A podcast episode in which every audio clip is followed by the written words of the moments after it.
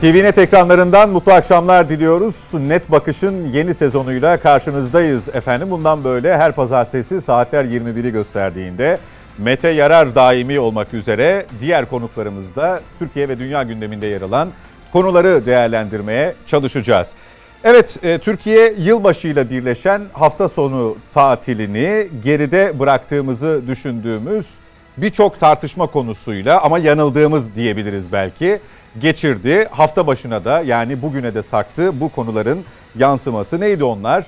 Darbe imaları, bir başka deyişle darbe özlemi, başörtüsü nefreti ve SMA hastası olan çocukları kullanarak sosyal medyada başlatılan kampanya. İlk bölümde bu başlıkları tartışacağız. Eğer vaktimiz kalırsa çok ihtimal vermiyorum ama e, Amerika Birleşik Devletleri İran geriliminde savaşın eşiğine gelinip gelinmediği ki Tahran yönetiminden gelen son açıklamalar bu yönde özellikle Süleymaniye'nin e, e, ölüm yıl dönümünde yapılan gösterilerde ve resmi açıklamalarda e, yapılan yansıyan tartışmalara neden olan beyanlar böyleydi. Türkiye'nin yeni yıldaki terörle mücadelesi de yine vaktimiz kalırsa konuşacağımız konu başlıkları arasında yer alıyor. Mete Yarar hoş geldin. Çok teşekkürler, çok sağ olasın. Avukat, hukukçu Mücahit Birinci bizimle birlikte. Hoş geldiniz. Hoş bulduk, Mücahit sağ olun. Ankara stüdyomuzda da bir konuğumuz var. İstinye Üniversitesi Gülsam Direktörü İsmail Hakkı Pekin birazdan hazır olacakmış. Hazır olduğunda da kendilerine merhaba diyelim, net bakışa hoş geldiniz diyelim ve Mücahit Bey ile başlayalım. Can Ataklı'nın çektiği video eski Genelkurmay Başkanı İlker Başbuğ'un Cumhuriyet Gazetesi'ne verdiği röportajda sarf ettiği sözler. Birinde seçimle, sandıkla, millet iradesiyle iktidarın değişmeyeceği başkaca bir şey yapılması gerektiği ki bunların arasında en korkutucu, ürkütücü olanı bir büyük doğal afetini, afetin gelmesinin beklenmesi. Diğerinde de yani başbuğun söylemlerinde de 27 Mayıs hatırlatmasıyla darbe imasında bulunulması. Erken seçim olsaydı darbe olmayacaktı. Evet beyanı. 27 Mayıs'ı kastediyor. Adnan Menderes merhum o dönemi kastediyor ama e, akşam saatlerine doğru özellikle sosyal medyadaki yankısı bunun e, aslında bir, Türkiye'de de erken seçim konuşuluyor. Dolayısıyla bir an önce olsun. Olmazsa şayet bir darbe hazırlığı varsa o gerçekleşir gibi yorumlandı. Siz öyle yorumluyor musunuz? İki açıklamayı da eş zamanlı e, yapıldığını göz önünde bulundurursak neler söylersiniz? Şimdi öncelikle şunu açık bir şekilde ortaya koyalım ilk önce. Ki bu tür habis hülyaları beyinlerinden geçiren, aklının kıvrımlarından geçiren insanlar onu beyinlerin derinliğine atsın diye bir uyarı yapalım. Diyelim ki aziz milletimiz 15 Temmuz'daki duruşunu hiç gözünü kırpmadan yeni bir kalkışma olursa çok büyük bir kararlılıkla tekrar sergiler. Dolayısıyla bu millet, bu vatan, bu devlet sahipsiz değildir. Bu devletin, bu vatanın bir sahibi vardır, bekçileri vardır. Evet, hepimiz bu vatanın milletseverler, vatanseverler, bu vatanın bekçileridir ve dolayısıyla bu vatan için gerekirse canımızı feda etmeyi seve seve göz, göz önüne almış, göze almış insanlarızdır hepimiz. Bunu bilsinler bir kere. Bak bu açıklamayla başlayalım. Dolayısıyla bu noktada bir hat bilsinler.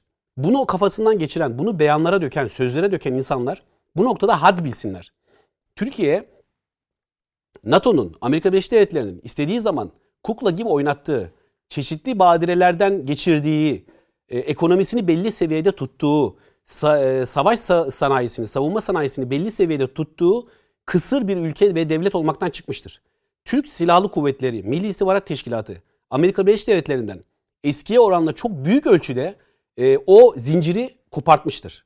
Bu işte MIT krizlerini böyle okuruz. Mete Bey biraz sonra onlara değinir. MIT krizlerini bu şekilde okuyabiliriz. Bu zincir koparmanın e, ciddi sancılarını yaşamıştır Türkiye. Ve Türkiye son dönemde ne yapmıştır? Bir gladio, bir çeteyi yani Amerika Birleşik Devletleri güdümünde olduğu ayan beyan ortada olan Pensilvanya çetesini e, büyük oranda tasfiye etmiştir, etmektedir hala. Dolayısıyla bu minvalde değerlendirecek olursak bakın biraz sonra o konuya da geleceğiz ama bakın bu SMA'lı e, evlatlarımızın e, bahane edilerek onların hassasiyetleri üzerinden kurgulanan, sahnelenen tiyatroyu, e, eş zamanlı, eş güdümlü tiyatroyu ben bu darbe söylemlerinin de dışında değerlendirmiyorum açıkçası. Bakın çok kısa süre, süreli bunlar. Zaman ayarlı işler bunlar. Dün öyle bir kıyamet koparıldı ki ya sizin kampanyayı hedef aldığınız.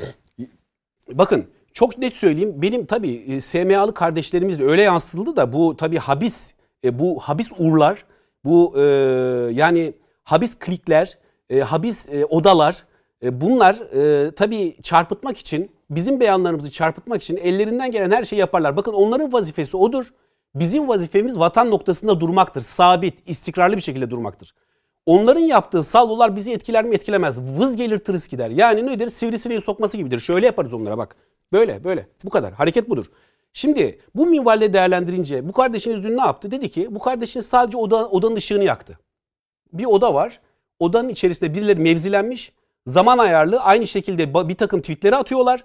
Ee, Selahattin Demirtaş'ın eşiyle e, Başak Demirtaş'la beraber işte Yavuz Ağralioğlu, işte e, Davutoğlu, e, Babacan e, bu bir şeyi düşünün. Yani bu birbirine benzemeyen, ufuk, ufka bakınca aynı şeyi görmeyen, hayat görüşleri bir olmayan, fikirleri ayrı olan, çok ayrı olan insanlar belli bir noktada aynı şekilde tweet attılar.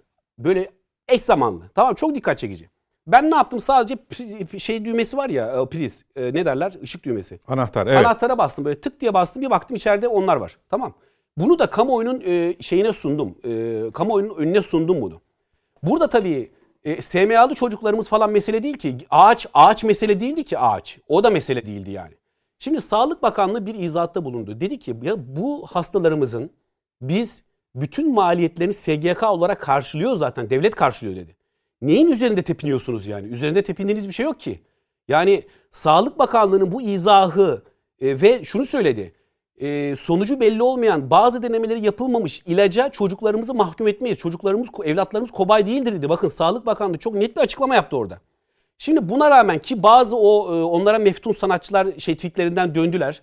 İşte bakın böyle de bir hassasiyet varmış falan dediler Sağlık Bakanlığı açıklamasından sonra. Ama inatla, inatla biz ve bizim gibi insanları hedef alarak sanki adeta bu hasta çocuklarımızın tedavisine karşıymışız gibi bir deli saçmasını, bu bir deli saçmasıdır. Bunu ortaya atarak üzerinde tepinmeye başladılar. Şimdi bu meseleyle beraber, bu eş, bunlarla beraber ben o darbe söylemlerini, e, çıkan darbe söylemlerini, işte Can Ataklı'nın galiz, hiçbir şekilde kabul edilemez darbe söylemlerini ben çok farklı görmüyorum açıkçası. Yani o e, şunu söyledim ben tweetim dedim ki hangi düğmeye basıldı dedim. Hangi düğme var ki biz bilelim dedim. Hangi düğme var böyle eş zamanlı e, sosyal medya paylaşımları yaptırıyor size. Tek düğme dediniz, e, tek hareket düğme, evet, tek düğme. Hatta şunu söyleyeyim. Tek düğme muhalefeti dedim. Hı hı. Çok net söylüyorum. Hala bunu tekrar ediyorum bu ifadeyi. Tek düğme muhalefetidir bu. Bir düğmeye basarlar, kor halini konuşurlar.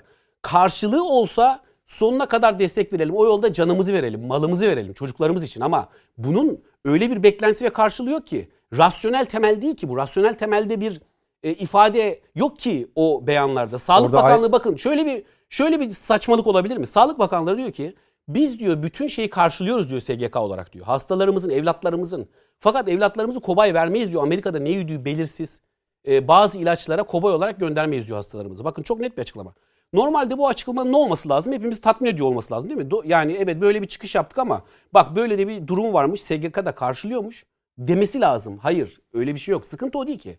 İşte sıkıntının sağlık olmadığı oradan belli. Tıpkı sıkıntının ağaç olmadığı gibi. Onu çok net bir şekilde ifade ediyor. Burada bir varlık fonu, fonu e, hedefi de var galiba. Ya mi? her şey var. Devleti zayıf gösterme var. Fakat ben şöyle bir şey. Ben e, bunun bir bir deneme hani o kontak şey var ya düğme. Bunun bir deneme olduğu kanaatindeyim adeta. Yani bu kadar e, bu kadar değişik mecralardan insanların işte Davutoğlu, Babacan ve diğerlerinin aynı anda bir e, yani adeta bir yer bir yerde haberleşmiş gibi hani böyle bir şey var. Gelin işte, toplanıyoruz der kaldı gibi. Kaldı ki Gergerlioğlu başlatmıştır bunu. Bakın HDP'li e, benim gördüğüm HDP'li milletvekili Gergerlioğlu'nun bir e, tweet'i e, adeta hassasiyet gibi lanse ettiği tweet'i dolayısıyla başlamış bir hadisedir.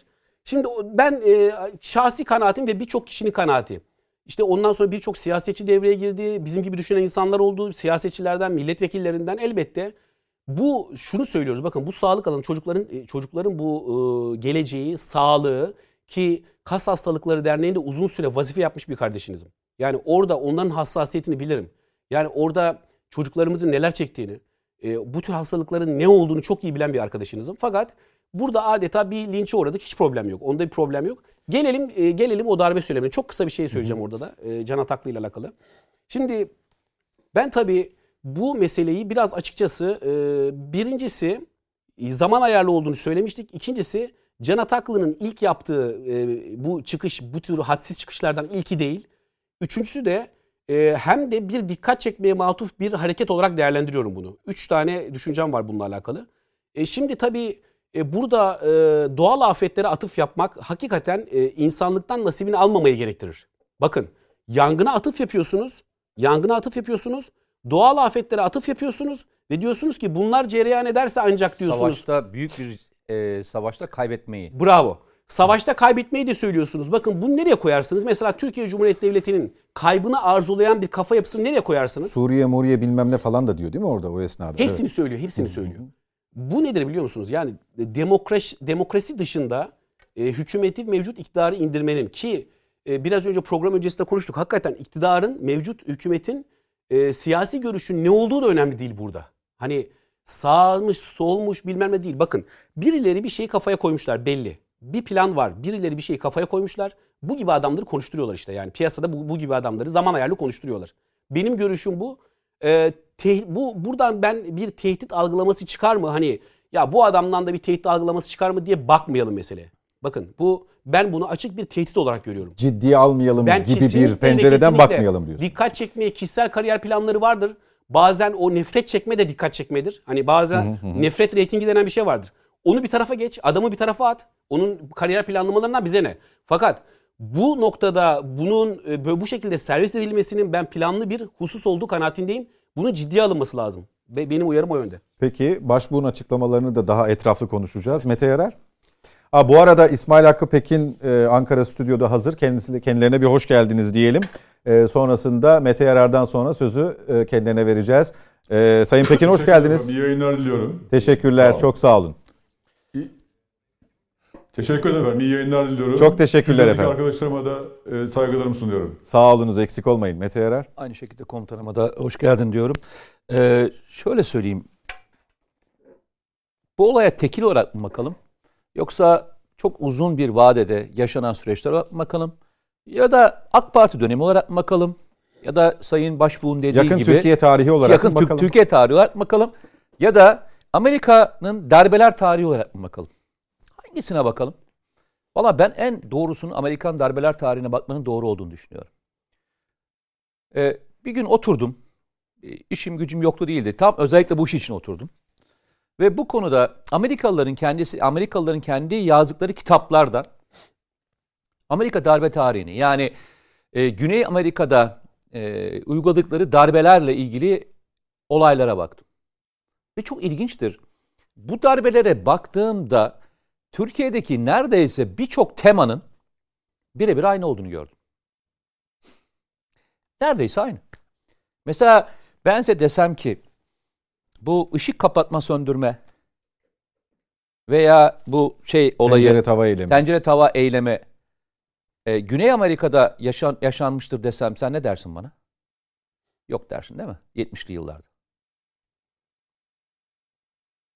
Desem ki bugün yaşadığımız olayların benzeri olayların yani hiç alakası olmayan adamlarla üzerinden yapılmış olan söylemlerin ve yalan haberlerin, propagandaların nasıl bir adamı itibarsızlaştırdığını ve idama götürdüğünü söylesem ya dersiniz ki ya etme eyleme. Ya o zaman dönelim Adnan Menderes'e. Adnan Menderes'e ithaf, ithaf edilen o e, kıyma yapılanlar, e, 12 uçakla götürülecekler gibi birçok mevzu hani konuşulanlar dahil olmak üzere hangisinin gerçekliği ortaya çıktı veya hangisi gerçek oldu? Ve Adnan Menderes idam edildi. Değil mi? Birbirinin aynısı fotokopi. Dedim ki yani bu bize benzemiyor. Güney Amerika bize benzemiyor dedim. Herhalde bize benzeyen bir şey var mı diye araştırdım. O Türkiye'de ilk yazanlardan bir tanesi de oldum. Köşe yazımda yazmıştım.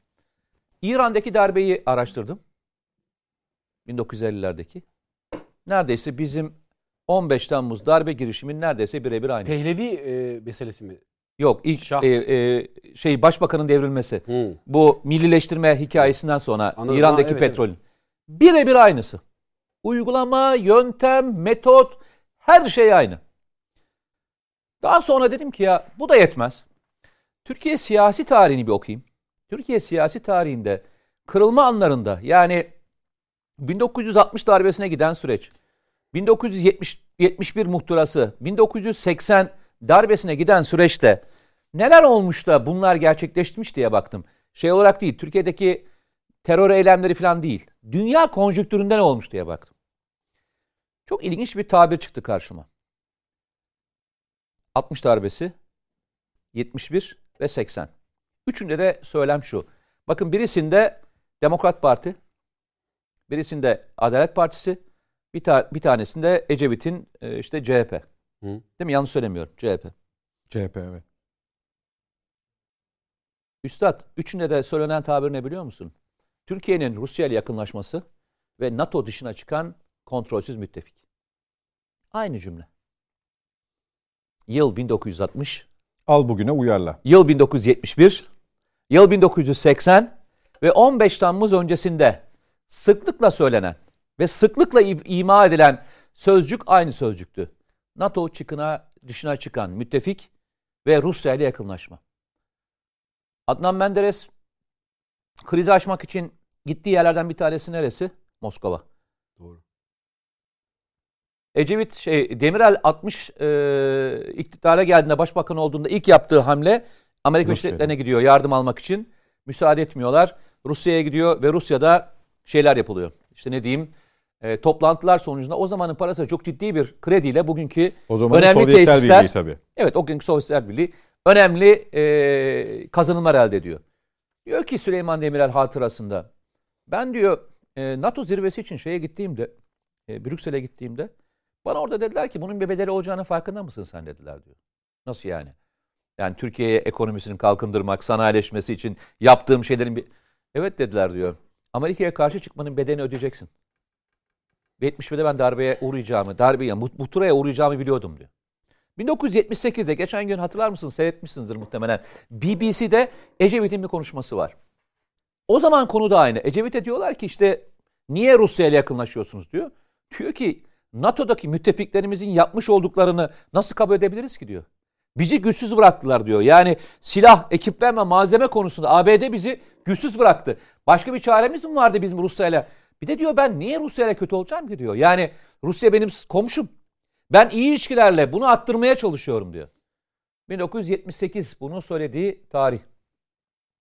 BBC'deki röportajı.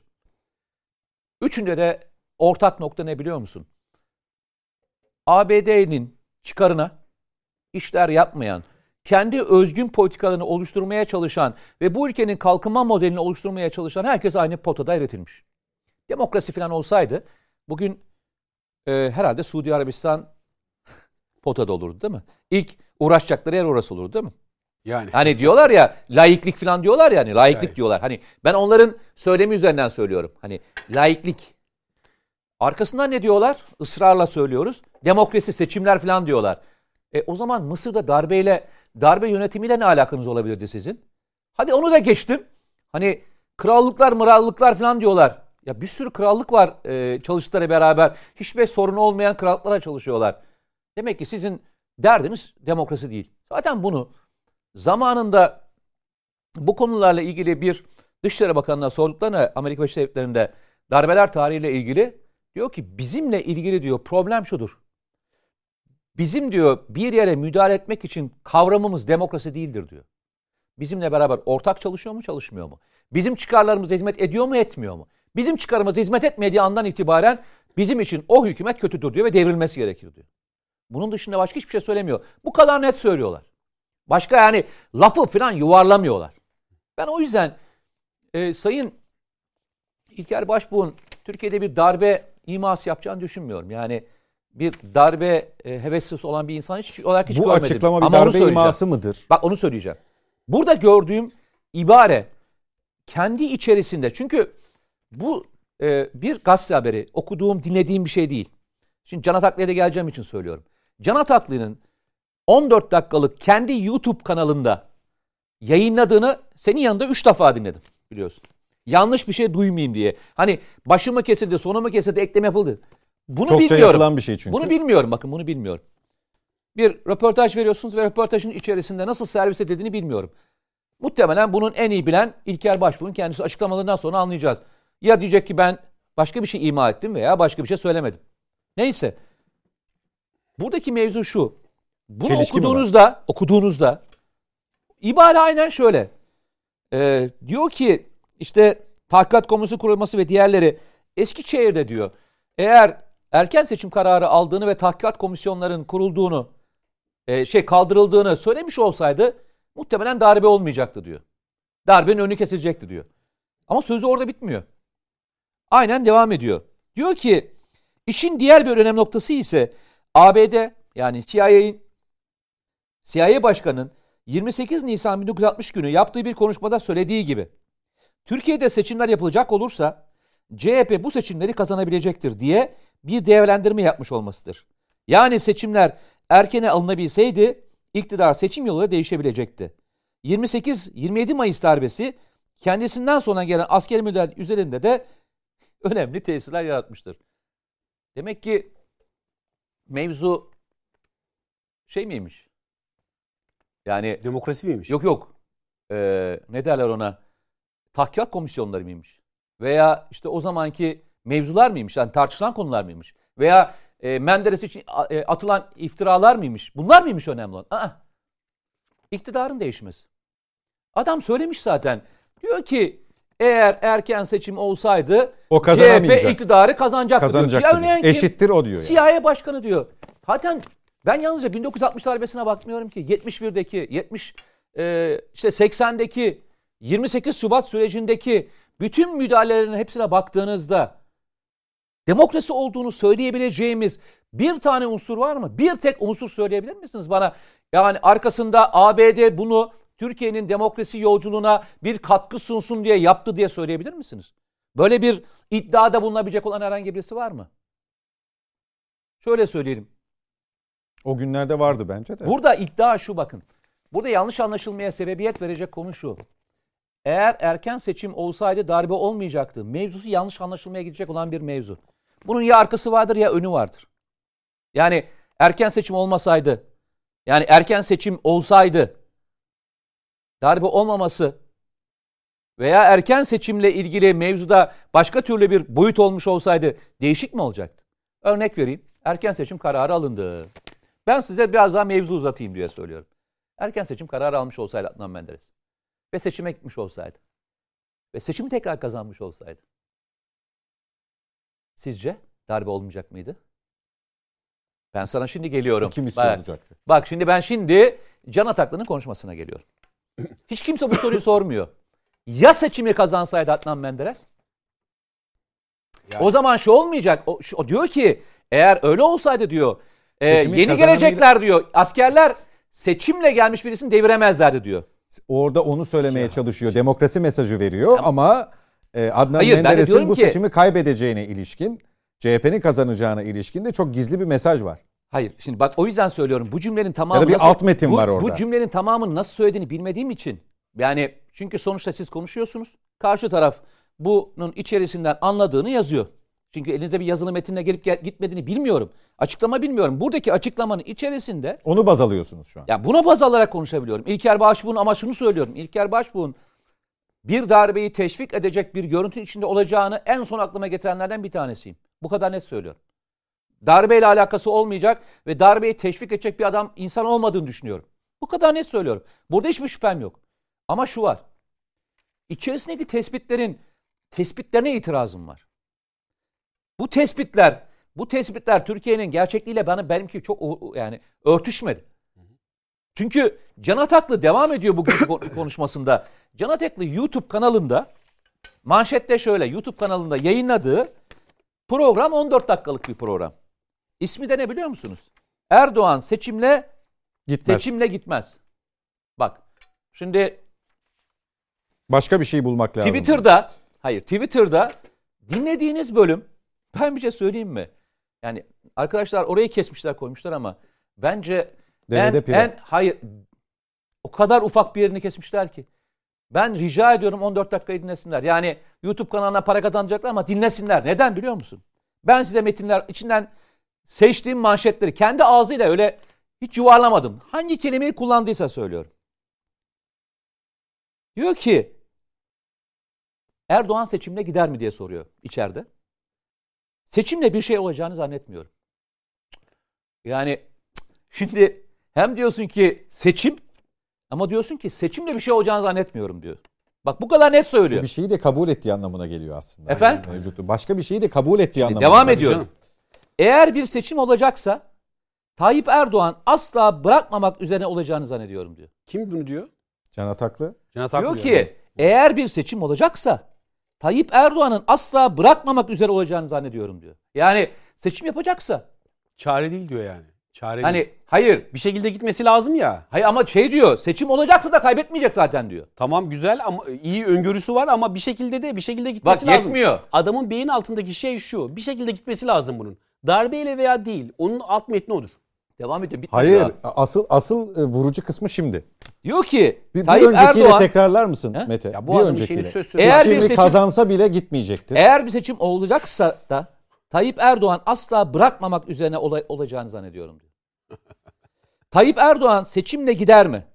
Hayır. Bana göre mümkün gözükmüyor diyor. Kendi ifadelerini söylüyorum.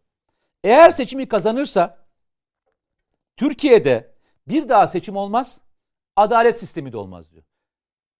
Diyor ki eğer seçim olur, seçime girerse de bir daha kazanırsa Türkiye'de ne bir daha seçim olur diyor ne de bir adalet denen bir şey biz Türkiye'de konuşmayız diyor. Bitmiyor. Ömür boyu orada kalmak istiyor. Başka bir şey daha söylüyor en sonlarına doğru. Kazanamayacağı bir seçime gitmeyecek, kaybederse de bırakmayacaktır diyor. Bu Bak, ne demek? Bak bir daha söyleyeyim mi? Kaybederse en de son bırakmayacak ne demek? şey kazanamayacağı bir seçime gitmeyecek, kaybederse de bırakmayacak. Şimdi sizin bugün dinledikleriniz Bir dakika kaybederse de bırakmayacak ne demek? Kaybederse bırak. Onu açıklayacağım şimdi sana. Bak şimdi tema şunun üzerine kuruluyor.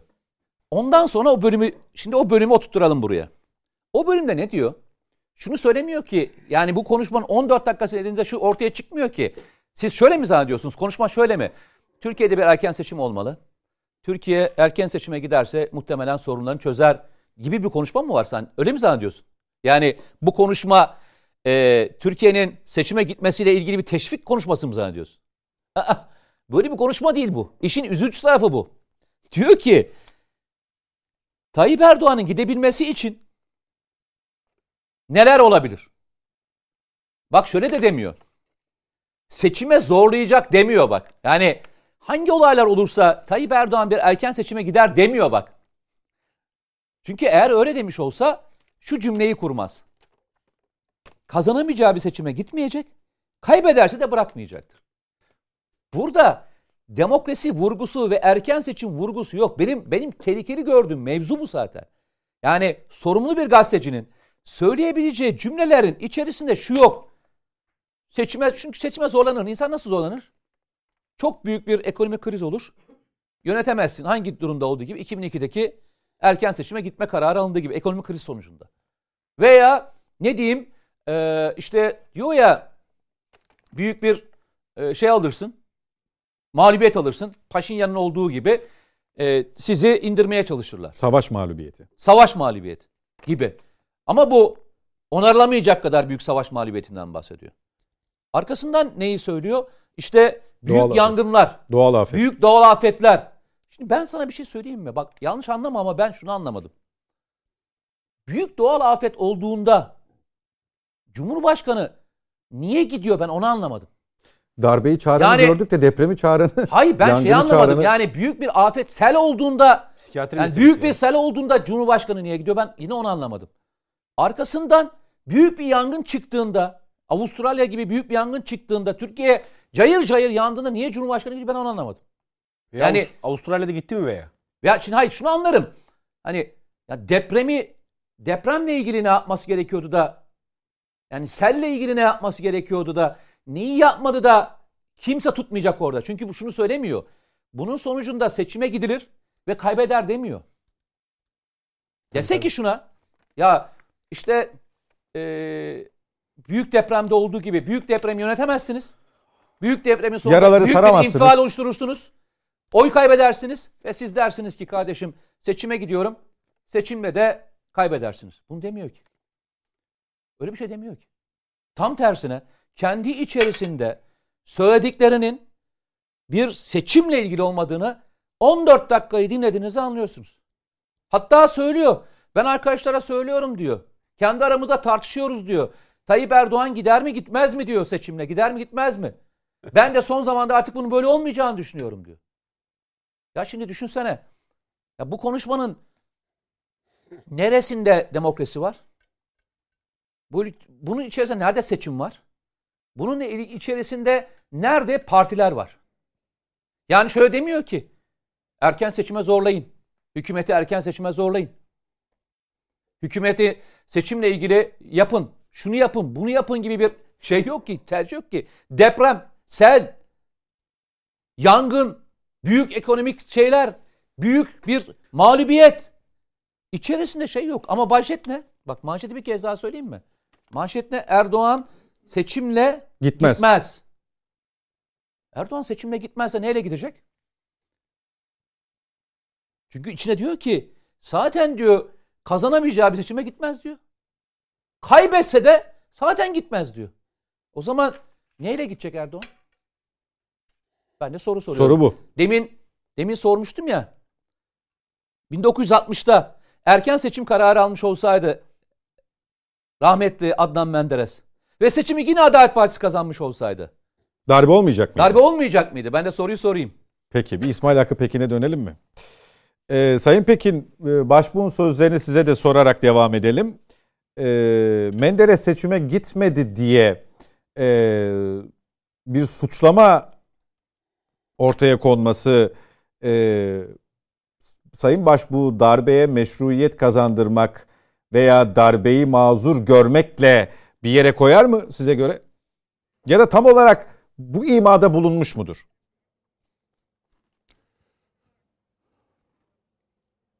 Yani ben tabii e, Sayın Başbuğ'la e, hem Genelkurmay Başkanlığı döneminde hem de Kara Kuvvetleri Komutanı e, Kara Kuvvetleri Kurmay Başkanlığı döneminde birlikte çalışma fırsatı buldum. Beraber çalıştık. E, ama e, onun böyle bir imada bulunacağını sanmıyorum. Bu bu açıklama aslında sığ bir açıklama.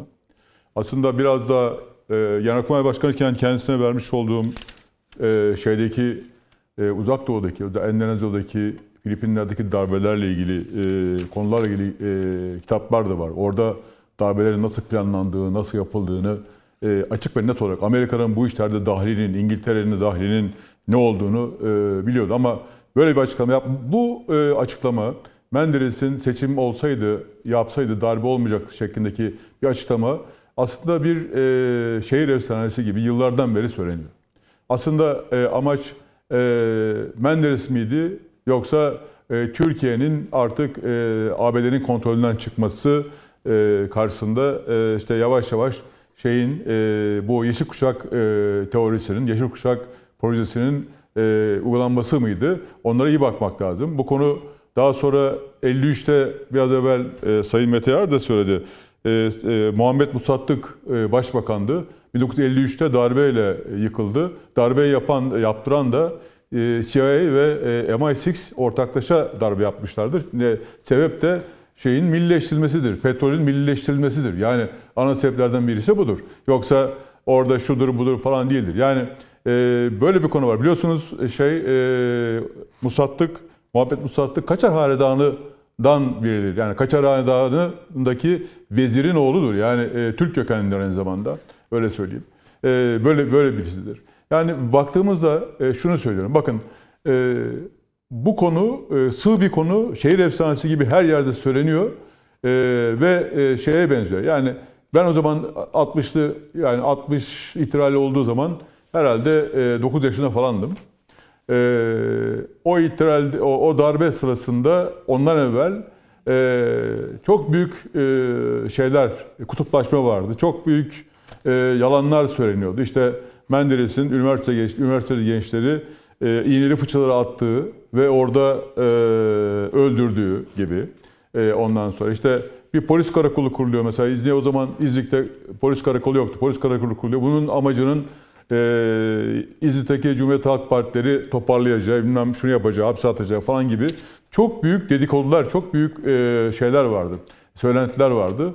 Maalesef bu söylentiler e, tabii e, Fısıltı Gazetesi gibi bütün halkın arasına yayıldı ve e, maalesef bu oldu. Ama darbe hazırlığına baktığımız zaman darbe hazırlığı 58'de olmadı ki. 50'lerden itibaren yani Menderes iktidarı e, Demokrat Evet, Parti iktidarı aldığı onu. andan itibaren darbe hazırlıkları başlamıştı. Yani ve e, hatta bununla ilgili biliyorsun doku, şey o- olayı var. E, 9 subay olayı var. Yani bu konuyla ilgili 9 subay e, ihbar üzerine e, ihbar ediliyor. İhbar eden kişiyi e, hapsediyorlar. Yani böyle bir ortam var. Yani bir hazırlık var. O hazırlık daha evvelden başlamış. Yani belli ki Amerikalılar yavaş yavaş bu işine girmeye başlamışlar. Şimdi önce şunu söylemek istiyorum. E, şimdi örtülü operasyon dediğimiz operasyonlar var. Örtülü operasyonlara baktığımız zaman yani şunu görüyoruz. Bir, e, ülkedeki bazı politikacılara, bazı e, kesimlere, e, ondan sonra diğer e, gruplara para vererek e, onları yanınıza çekmek ve onlar vasıtasıyla bu e, haberleri pompalamak. İkincisi suikastler yapmak, suikastleri birilerinin üzerine yıkmak.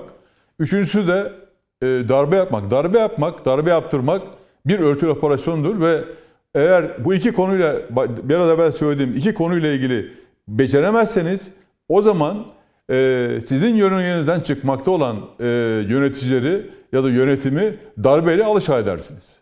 Yani darbenin amacı budur aslında. Dar- yani bir örtülü harekattır ve e, Türkiye'de yapılmak istenen şu da odur. Yani yıllarda yapılan da budur. Aslında e, biraz sığ düşünmesek, biraz da derin düşünsek bu konuyu, bu konuları biraz evvel Mete anlattı. Yani darbe nasıl oluyor? Nereden geldik buralara? Ne sorunlar vardı? Darbeden sonra hangi sorunlar halledildi? Yani bütün bunlara baktığımız zaman aslında e, ortaya farklı bir şey çıkıyor. Mesela 80 darbesi Türkiye'nin işte neoliberal ekonomik politikalara danışması ve şeydir, e, yeşil kuşak teorisidir. Aynı şekilde bırakın 53 darbesini e, İran'daki e, 79 e, olayı da e, Amerika'nın Fransa'nın kotardığı ve e, Hümeyni'nin e, yeşil kuşak projesi kapsamında tekrar oraya gönderdiği bir gruptur. Yani Şah artık bu işleri çok fazla silahlandı. Çok fazla milli olmaya başladı. Yani milli diyeyim Pers milliyetçisi tabii. Ee, böyle başladı diye Şah'ı alaşağı ettiler. Yani e, amaç budur ama sonra e, olaylar değişti. Daha farklı bir e, durum ortaya çıktı. Ama elde ettiler. Aynı zamanda o tarihlere bakın. 79-80'de e, Afganistan'ın işgali vardır. Yani şey tarafından, Sovyetler Birliği tarafından. Şimdi bütün bunlara baktığımızda aslında darbeler e, bir sonuç falan değil, bir araçtır. E, yönetimleri devirmek üzere. Bakın şeye, Filipinler'deki, Endonezya'daki darbelere. O darbelerin bazılarında mesela e, kim var Genelkurmay Başkanı şeye karşı? O adamı devirirler, öldürürler. Ondan sonra olacak 3-4 tane e, generali e, kaçırırlar. Ve e, kendi istedikleri bir adamı şeye getirirler. Bunları şeyde gördük. Yani 15 Dolayısıyla, Temmuz e, dolayısıyla Sayın Pekin sadece darbe- araç değil, Evet. amaca da ulaşılmış bir emele de ulaşılmış bir durum olarak E, sonucunu yani araç olarak kullanılıyor. Araç olarak kullanılıyor. Evet, araç olarak kullanılıyor ve sonuçta bir e, amaca hizmet ediyor. Yani buna yani şöyle bakmamız lazım. İlker Başbuğ'un böyle bir şey söylememesi lazım. Çünkü bu söylediği bu lafların e, nereye gideceğini bilmesi gerekiyor. Yani artık günümüzde bu o kadar hassas hale geldi ki ben e, İlker Paşa'nın e, yani darbeci olduğunu, şusunu busunu ya da darbe ima ettiğini sanmıyorum. Ama bu lafları kullanırken biraz daha derin düşünmesi lazım geldiğini değerlendim. Çünkü bu laflar oradan buradan çekilecek laflar ve gerçekten de darbelerin bu 60 darbesinin bu seçimle alakası yok. Yani şimdi de erken seçim olsa, şimdi de eğer bir darbe niyeti varsa Amerika'nın, eğer e, sizin Cumhurbaşkanınızı, yönetiminizi bir şekilde ikna edemiyorsa, yani ben diyoruz yani sorunlar öyle bir hale geldi ki ikna edilemiyor e, sorunlar. Çünkü hangi sorunlar var? İşte e, Doğu, e, Doğu Karadeniz sorunu var, Kıbrıs sorunu var, Suriye'de sorun var. E, orada bir e, PYD devletçi kurulmaya çalışılıyor. Öbür tarafta e, Libya'da sorun var. Bütün bunlara baktığımızda bunların hatta şey var işte e, S-400 sorunu var. Bütün bunların halledilmesi mümkün değil. Yani siz S-400'e şunu söylemişsiniz Amerika'ya. Diyorsunuz ki kardeşim ben e, kusura bakmayın e, bana silah vermiyorsunuz. Bana böyle davranıyorsa o zaman ben de giderim Rusya'dan kendimi savunmak için bu stratejik silahı alırım. Ve senin e, sana karşı bunu e, kullanırım imasını veriyorsunuz. E, bu durumda e, bu e, Amerika için e, önemli bir darbe nedeni.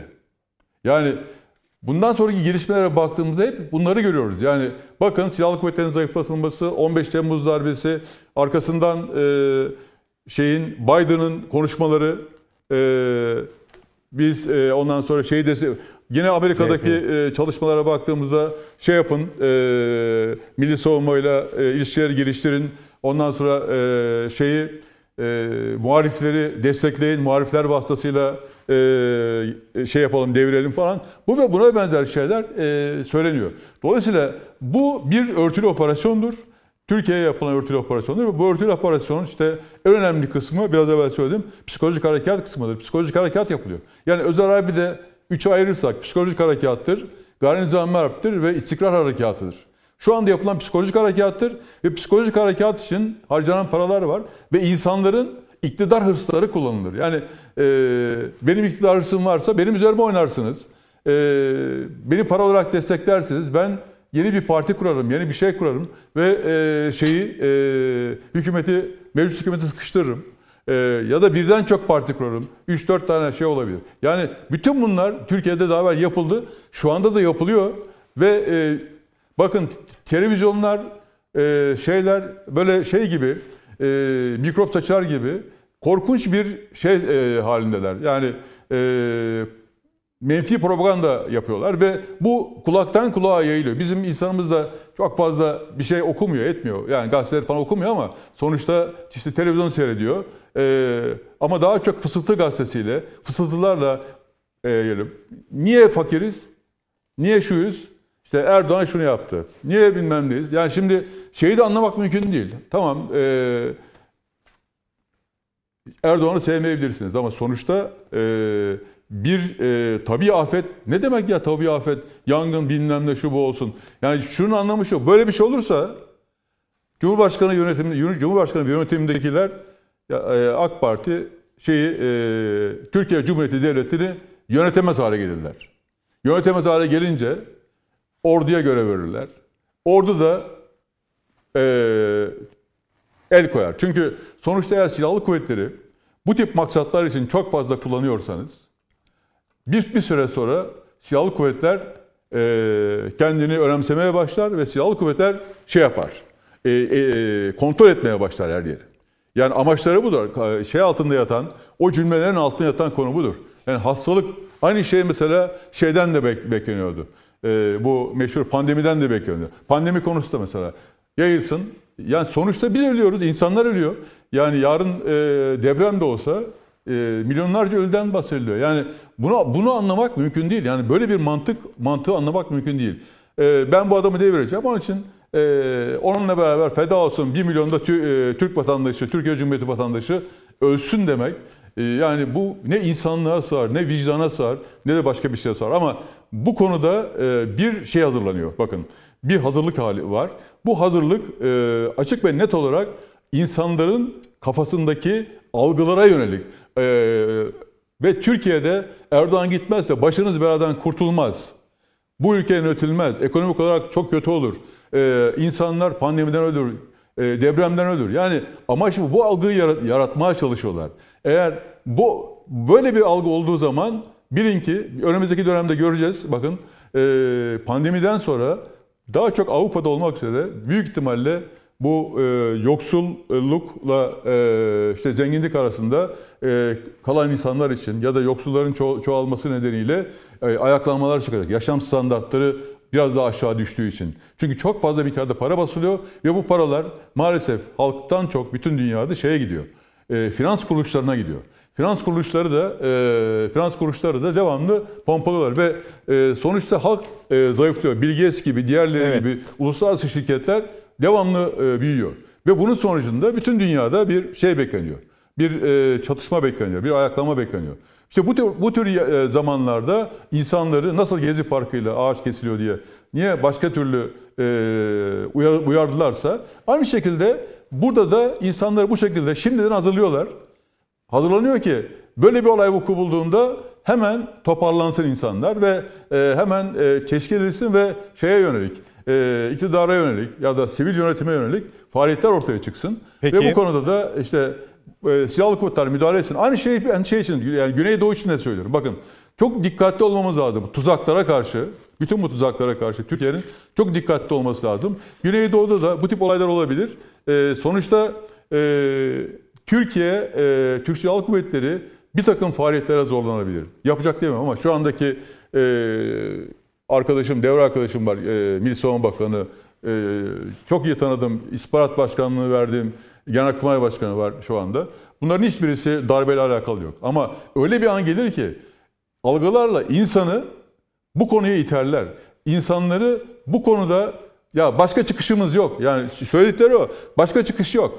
Tek çıkış Erdoğan'ın bir şekilde alaşağı edilmesidir.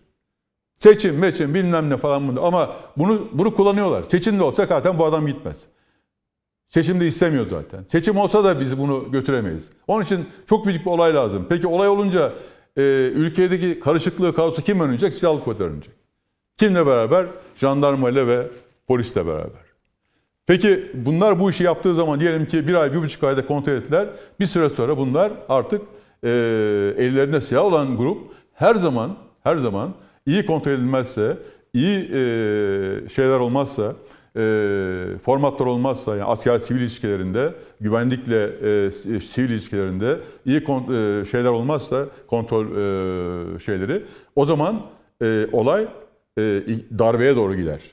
Onun için Peki. asker sivil ilişkileri e, belli bir oranda tutulmalıdır diye değerlendiriyorum. Bu konuları da yani önce tedbiri buna göre alacaklar.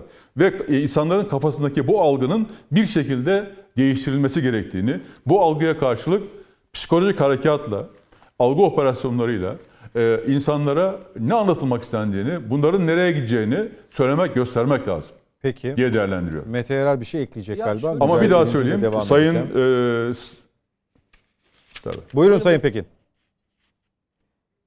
Yani e, Sayın e, İlker Başbuğ'un bu konuyu şey amacıyla söylediğini sanmıyorum. Yani darbe hevesli olarak söylediğini sanmıyorum. Yani böyle bir insan değildir. Kesinlikle o konuda Mete Yarar'a çalış, e, katılıyorum. Sadece Çünkü 27 çok Mayıs hatırlatması mı yapmıştır yani?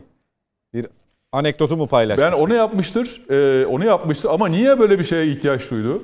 Yani e, Kitabıyla bence ilgili bir soruya verdiği cevap gereken- olabilir. Orada da Mete Yarar'ın dediği ortaya çıkıyor. Başının sonunu ya da tam olarak onu mu Olabilir. demek istediğini irdelemek gerekiyor belki. Ee, ben şöyle bir şey söyleyeceğim. Evet. Bundan iki sene önce bazen rast, Anadolu'nun e, gezmenin en güzel taraflarından bir tanesi e, ben anlatırken şöyle söylerim. Bir resmi tarih vardır biliyorsunuz. Yazılan bir tarih var. Devletlerin kendi tarihleri vardır. Bir e, yazılı tarih vardır. Bir de gerçek tarih vardır. O da çoğunlukla yaşayan insanlardan dinlediğinizi anlarsınız. Yani hikayenin aslı odur. Bundan iki sene önce e, çocukluğumun geçtiği bir şehre gittim ve orada e, işte eski anıları falan tazelemek için bir lokantaya uğradığımda bir üstadla masada aynı masada oturduk. Benden yaşça büyük. 60 darbesinde e, üniversite öğrencisi e, yaşında, üniversite öğrencileri e, yaşında. Ve olayları konuştuk. Bu arada e, işte dönemleri çok iyi analiz etmiş bir adam. Öyle söyleyeyim. Ve o günlerde de işte darbeyi konuştuk ve daha sonraki dönemi e, konuştuk. Dedi ki ben sana bir şey anlatacağım dedi. Ben 1960 darbesi sırasında dedi. e, üniversite öğrencisiydim ve e, Malatya şehrinde yaşıyordum. Dedi e, darbeden önce ve işte darbeden önceki olan konuşmaları anlattı bana şeyleri. Fısıltı havadislerini anlattı. Ve insanların nasıl dolduğunu ve öfkeye bu herkes için geçerli değil. Yani Menderes'i tutanlar da sıkıntı yok. Ama e, ona e, ona sempatiyle bakmayanlar öfke öfkeleri inanılmaz birikmiş bir halde. Dedi yıllar geçti. Bir gün dedi e, Ankara'ya geliyor. Ankara'da çok önemli bir e, fabrikanın mühendisi oluyor. Üniversiteyi bitiriyor. İyi bir üniversiteden mezun oluyor. Bir gün dedi beni dedi pancar kooperatifi olduğum için dedi böyle köylülerle e, tespit için bir yere gönderdiler dedi. Ankara'nın bir ilçesinde geziyorum ve bir ev gördüm dedi. Kafamdan aşağı böyle şeyler döküldü dedi. Kaynar su. Kaynar sular. Ben o evi hatırladım. Nereden hatırladığımı sonra buldum dedi o kaynar sularla beraber. O dedi Malatya'da belediye binasına asılmış olan e, fotoğraftı dedi. Ne fotoğrafı dedim. İşte Adnan Menderes'in sarayı ve diğerleriyle. Hiç alakası yok. Onunla alakası olmadığını öğrendim dedi. Daha sonra Ankara'da bir tesiste geziyorum dedi. O e, işte içinde partilerin verildiği, su şeylerin yapıldığı, kendi havuzu diye gösterilen fotoğrafların aslında Ankara'da bir fabrikanın e, belediye şey çalışanlarının etrafında oturdukları bir büyük havuz olduğunu gördüm dedi. Ve ondan sonra dedim ki dedi kendime bunu söyleyen arkadaşımız sosyal demokrat, yıllarca sosyal demokratla kendini tanıtmış, hala sosyal demokrat e, olduğunu söyleyen, sosyal demokrat partide oy veren birisi. Hayatımda tek bir şey dedi kendimden e, utandım. Böyle bir dolduruşa nasıl geldiğimi inan anlamadım dedi. Üniversite öğrencisiyim. Üniversite öğrencisiyim.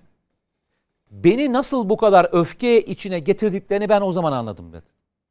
Sayın komutanımın söylediği şey o. Yani örtülü operasyon dediğimiz ve diğerlerinin altyapısı olmadan bunlar yaşanmaz. O yüzden söylüyorum lütfen darbeler tarihini yalnızca Türkiye üzerinden okumayın.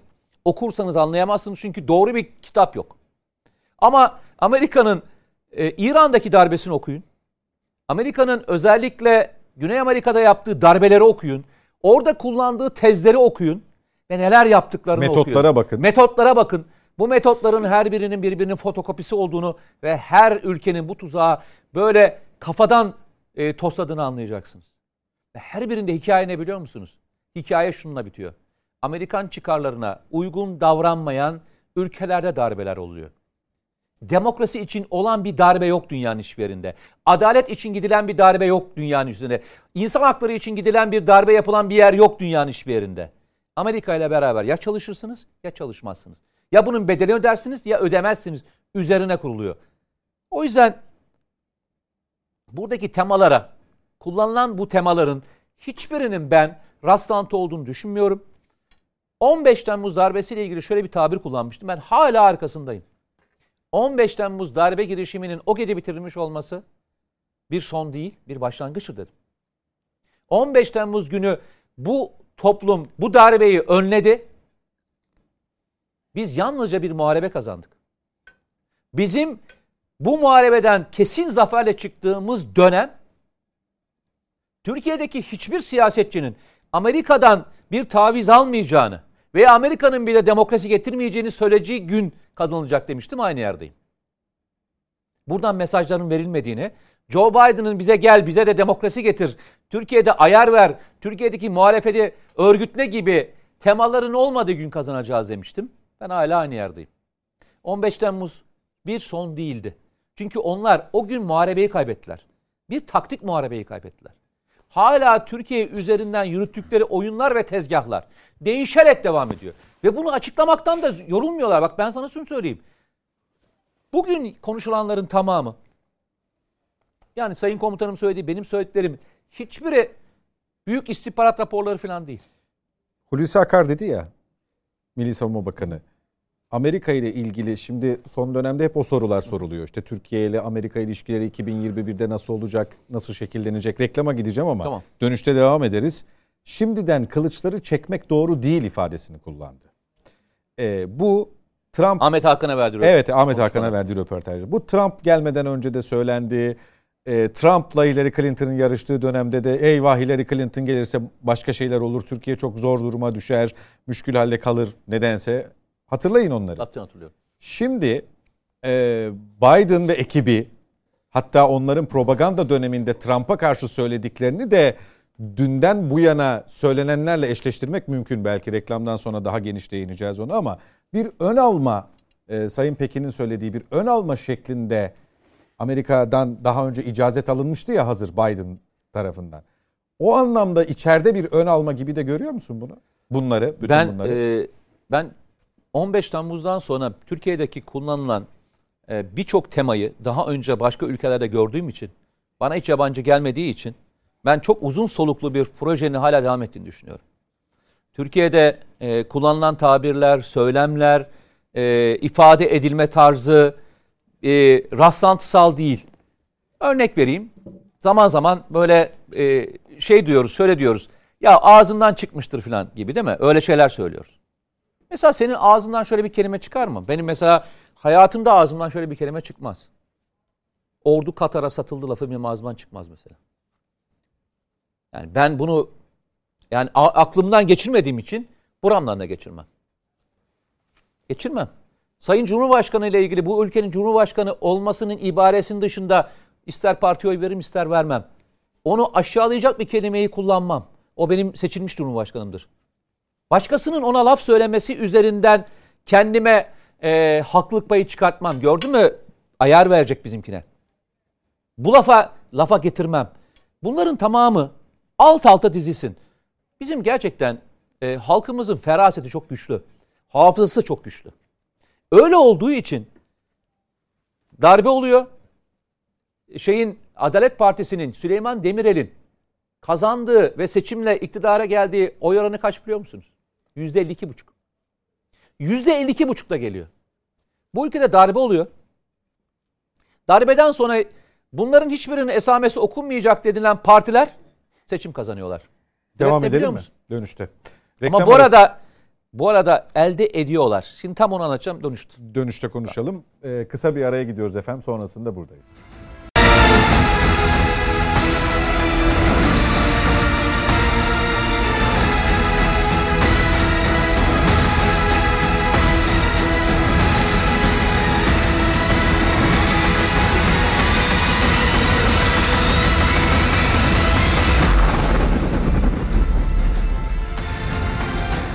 Yeniden birlikteyiz efendim. Net bakışa devam ediyoruz. Mete Yarar, İsmail Hakkı Pekin ve Mücahit Birinci ile darbe söylemlerini, imalarını, özlemini konuşuyoruz. Ee, araya gitmeden önce Mete Yarar e, bir saptamada bulunmuştu. Oradan devam edeceğiz ama ben bir soruyla destek vereyim. Peki. E, s- röportajda Cumhuriyet Gazetesi'ndeki röportajda Sayın Başbuğa e, öngörünüz üzerinden o Eskişehir hatırlatmasıyla beraber devamında bir soru soruluyor. 27 Mayıs darbesi önlenebilirdi diyorsunuz ya deniyor. Varsayalım ki önlendi. Soru enteresan. Bugün ortaya farklı bir tablo, daha farklı bir tablo çıkar mıydı diye e, soru devam ediyor. E, işte 27 Mayıs darbesi cevaben de kendinden sonra gelen askeri müdahaleler üzerinde de önemli tesirler oluşturmuştur diyor. Sanki 27 Mayıs'tan öncekilerin tesiri 27 Mayıs'ın kendisine sirayet etmemiş gibi. Bunu da yorumlamanı Ya istiyorum. şöyle söyleyeyim. e, Benim orada anladığım şunu söylüyor. Yani 1900 Türkiye'de darbeler tarihi oturmaya başladığı andan itibaren dış müdahaleye önünüzü açmışsınız demektir. Yani Türkiye'nin demokrasinin önündeki en büyük engellerden bir tanesi e, budur. Yani Türkiye'nin milli çıkarını oluşturabilecek olan bir hükümetin ayakta kalamamasına ilgili manipüle edilebilecek bir siyasi ortam ve bunu destekleyebilecek olan kendisiyle ortak hareket edebilecek olan etki ajanlarının Türkiye'de oluşabileceğinin e, altyapısının oluşmasıdır. Çünkü bu kafalarının arkasına yazılmıştır herkesin. Herkes şunu söylemeye baş e, yani dönüş açısı şu olmuştur. Bak 15 Temmuz'dan sonra bu ülkenin kendisine ilgili en önemli kavramlarından bir tanesi nedir biliyor musun? Bu ülkede bir daha darbe olmasına müsaade etmeyeceğiz. Bu bir özgüvendir siyasete müdahale edilmeyeceğini, başkaları tarafından siyasete müdahale edilemeyeceğinin önü kapanmıştır. Aynı 1960'da açılmıştır bu sayfa. 15 Temmuz 2016'da kapatılmıştır bu, bu sayfa. Müdahale edecekler artık o sayfayı düşünmüyorlar. O yüzden 1960 darbesi Türkiye'deki daha sonraki müdahalelerin de önünü açmıştır.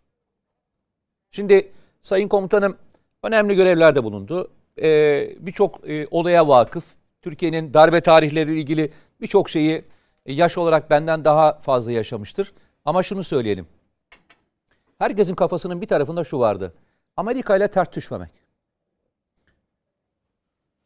Amerika acaba bu konuda ne diyecek? Bu söylem bile siyasetçinin, bürokratın, karar vericinin kafasının bir tarafında bunun olmuş olması o kadar e, kötü bir şey ki. 15 Temmuz bence bütün toplum üzerindeki bu ölü toprağını kaldırdı. Ölü toprağını kaldırdı. Yok kardeşim. Bu ülkede asla siyaseti dizayn edemeyeceksiniz. İster darbe yoluyla, isterseniz terörle, isterseniz ayaklanma çağrılarıyla veya başka manipülasyonlarla. Bunu başarma şansınızın olmadığını gösterdiler. İşte 1960'da bunun önünü açmıştı.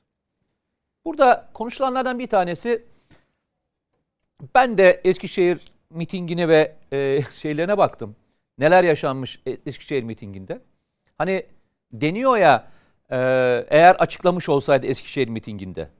Aslında Eskişehir'e gitmeden önce erken seçim kararını parti olarak alıyor şey Adnan Menderes. Alıyorlar ve açıklayacaklar. Duyurmuyorlar sadece. Efendim? Duyurmuyorlar. Ben başka bir şey söyleyeyim. Eskişehir mitinginde e, Eskişehir mitinginde biliyorsun şeye ge- geliyor. Yani valilik binasının veya bir binanın içinden konuşma yapıyor. Yani dışına konuşma yapacak. Ses düzeni çalışmıyor. Valilik. Düzen çalışmıyor. Ses sistemi çalışmıyor. Konuşamıyor zaten şey. Adnan Menderes konuşamıyor şeye. Halka hitap edemiyor. Sistem çalışmıyor. Konuşturmuyorlar. Daha sonra çıkıyor. Gerçekten de çalışıyor sistem. Sistem çalışıyor. İniyor kürsüden gidiyor. Sistem çalışmaya başlıyor. Siz eğer darbe yapmaya karar vermişseniz isterseniz erken seçim kararı alın. İsterseniz o gün deyin ki ben kardeşim bir daha hiç iktidara gelmeyeceğim deyin. Sizin hükmünüzün kesildiği yer başlamış zaten. O o ayak oyunları başladığı andan itibaren gelmiş. Adnan Menderes'le ilgili konuşmalar ve diğerlerine baktığınızda, hayat hikayesine başladığınızda söylenenlerin mantıksızlığı ve anlamsızlığı insanlar hiç düşündürmemiş midir? Ama öyle bir nefret ortamı oluşmuş, oluşturulmuştur ki hiç kimse bunun gerçekliğini sorgulamamıştır. Ben yanlış hatırlamıyorsam harp okulu öğrencilerinin kıyma yapıldığına kadar Öğren evet. Şimdi düşünebiliyor musun? Veya işte kişilerin yok olduğuna dair 12 uçak dolusu altınla yurt dışına kaçacağına kadar onlarca anlamsız. Veya gayrimeşru çocuğunu öldürttü diyecek kadar. Ya hadi bunu bu tartışmaya açıktır. Şu anlamda tartışmaya açıktır. Bilemezsiniz e, nüfusa girdi mi girmedi mi? Yani bir ülkenin harp okulu öğrencilerinin kaydı olan, anası babası olan insanları yok ediyorsunuz da bunun hiç anası babası hiç olmamış mıdır? Hiç kimse de itiraz edip ya benim çocuğum nerede harp okulunda mı diye sormamış mıdır? Ha demek istediğim şu Mete Bey. Birçok sahadan hücum var. Yani hem itibarsızlaştırma İşte onu söylüyorum. hem moral manada itibarsızlaştırma her Ama sahadan. buradaki motivasyon ne biliyor musun? yani gayrimeşru ilişki Bak. şu bu kıyma makinesi topyekün. İşte bak onu söylemeye çalışıyorum. Motivasyon motivasyondaki şu. Önce nefret ettireceksiniz şahsı. Nefret ettikten sonra her şeye inanmak zaten işinize gelir. Çünkü nefret ettiğinizi insanla yapabilirsiniz. Ben de o yüzden 15 Temmuz öncesinde başlayan, darbe öncesinde başlayan sürecin ben bitmediğine inananlardanım. O yüzden bunu söylüyorum. 15 Temmuz'da birisini denediler, başaramadılar. Şu anda başka bir versiyon deniyorlar. Çünkü 15 Temmuz'dan önce başladı bu e, tedrisat. Ben sana söyleyeyim. Ben Türkiye'den çok duyduğum şeylerden bir tanesi budur. Hatta İdlib Harekatı'nda beraber yaşamışızdır. Sen de bana açtın telefon sordun. Ya 33 asker deniyor ama 600 askerin şehit olduğu söyleniyor. Hatırlıyor musun İdlib'deki Evet, hava evet. saldırısı? İlk seni aramıştım zaten. Ya şimdi sonra açtım ben yetkilileri sordum. Dediler ki tamamen bu sayı başka hiçbir şey yok. Yalnızca saldırı olduğu yerde bombalamadan dolayı bazı askerlerimize ulaşmaya çalışıyoruz. Tam sayı olsun e, açıklama yapılacak. Ama ben şeyi sordum yani Burak dediler ki ya oradaki zaten bütün birimin sayısı e, bu kadar daha bunun ötesine çıkabilecek olan bir durum yok. Yani oradaki birimimizin mevcudu bu kadar. Ya Rakam 600. Sonra açıklandı. Ne oldu? Türkiye'nin en önemli insanları işte bunlar dahil olmak üzere ne söylediler? Ne söylediler biliyor musunuz? Yok böyle değil. Ee, bazı aileler çocuklarının kayıp olduğunu ve resmi olarak şehit ilan edilmeden gömüldüğünü söylüyor. Nasıl yani? Türkiye'de şehit ailesi e, çocuğu kendine teslim edilmeden bir yere gömecek ve aile çıkıp Türkiye'deki herhangi bir muhalefet partisine gitmeyecek öyle mi? Diyecek ki yani benim çocuğum ortada yok askere gitti gelmedi ben nerede olduğunu bilmiyorum da çıkmayacak öyle mi? Sayı 300'lerde 400'lerde 400 tane insanın şehit olduğunu ama onların gömüldüğünü söylediler. Ve bu aylarca konuşuldu biliyor musun? WhatsApp gruplarına döndü. WhatsApp gruplarına döndü ve aklı selim adamlar buna inandılar ya. İnandılar bana soruyorlar. Ağlayarak soruyorlar. Ve vatanseverliği konusunda en ufak şüphem olmadığı insanlar bunlar. Vatanseverliği konusunda. Ya arkadaşlar diyorum hangi coğrafyada ve hangi devirde yaşıyorsunuz? Yani bir insan kaybolacak hem de bu asker olacak. Ve bu insanlar yok olacaklar, buharlaşacaklar öyle mi? Ben bunun aynısını Dağlıca'daki olay sırasında hatta o dönemde işte Twitter'da yazdığımda Emre Uslar'la falan şeylerle kavga ediyorduk şeyde. Dağlıca saldırısı olduğunda. Hatırlarsan o zaman da söylenen rakam kaçtı? 60 kişiydi. Ya diyorum arkadaşlar operasyona giden araç sayısı bir tank, iki tane zırhlı araç.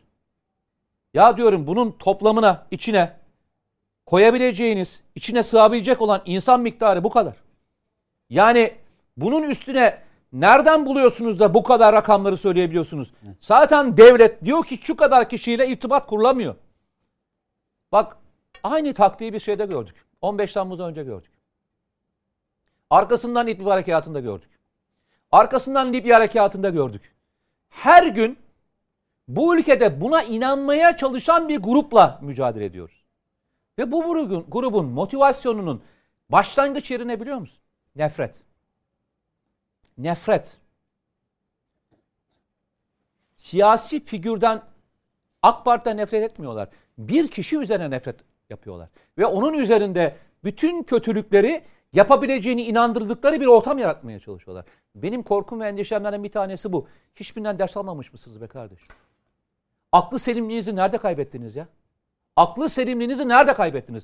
Ben hep aynı soru soruyorum. Bu ülkede askerler şehit olduğunda gizleyebilecek bir ülke mi burası yani? Resmi kayıtlarına göre nasıl yok edebilirsiniz ya? Ailesi mi yok? Çocuğu mu yok? Anası mı yok? Bacısı mı yok? Bir de Bu kadar bir mı değil, iki değil, 300 yani? kişi. Efendim?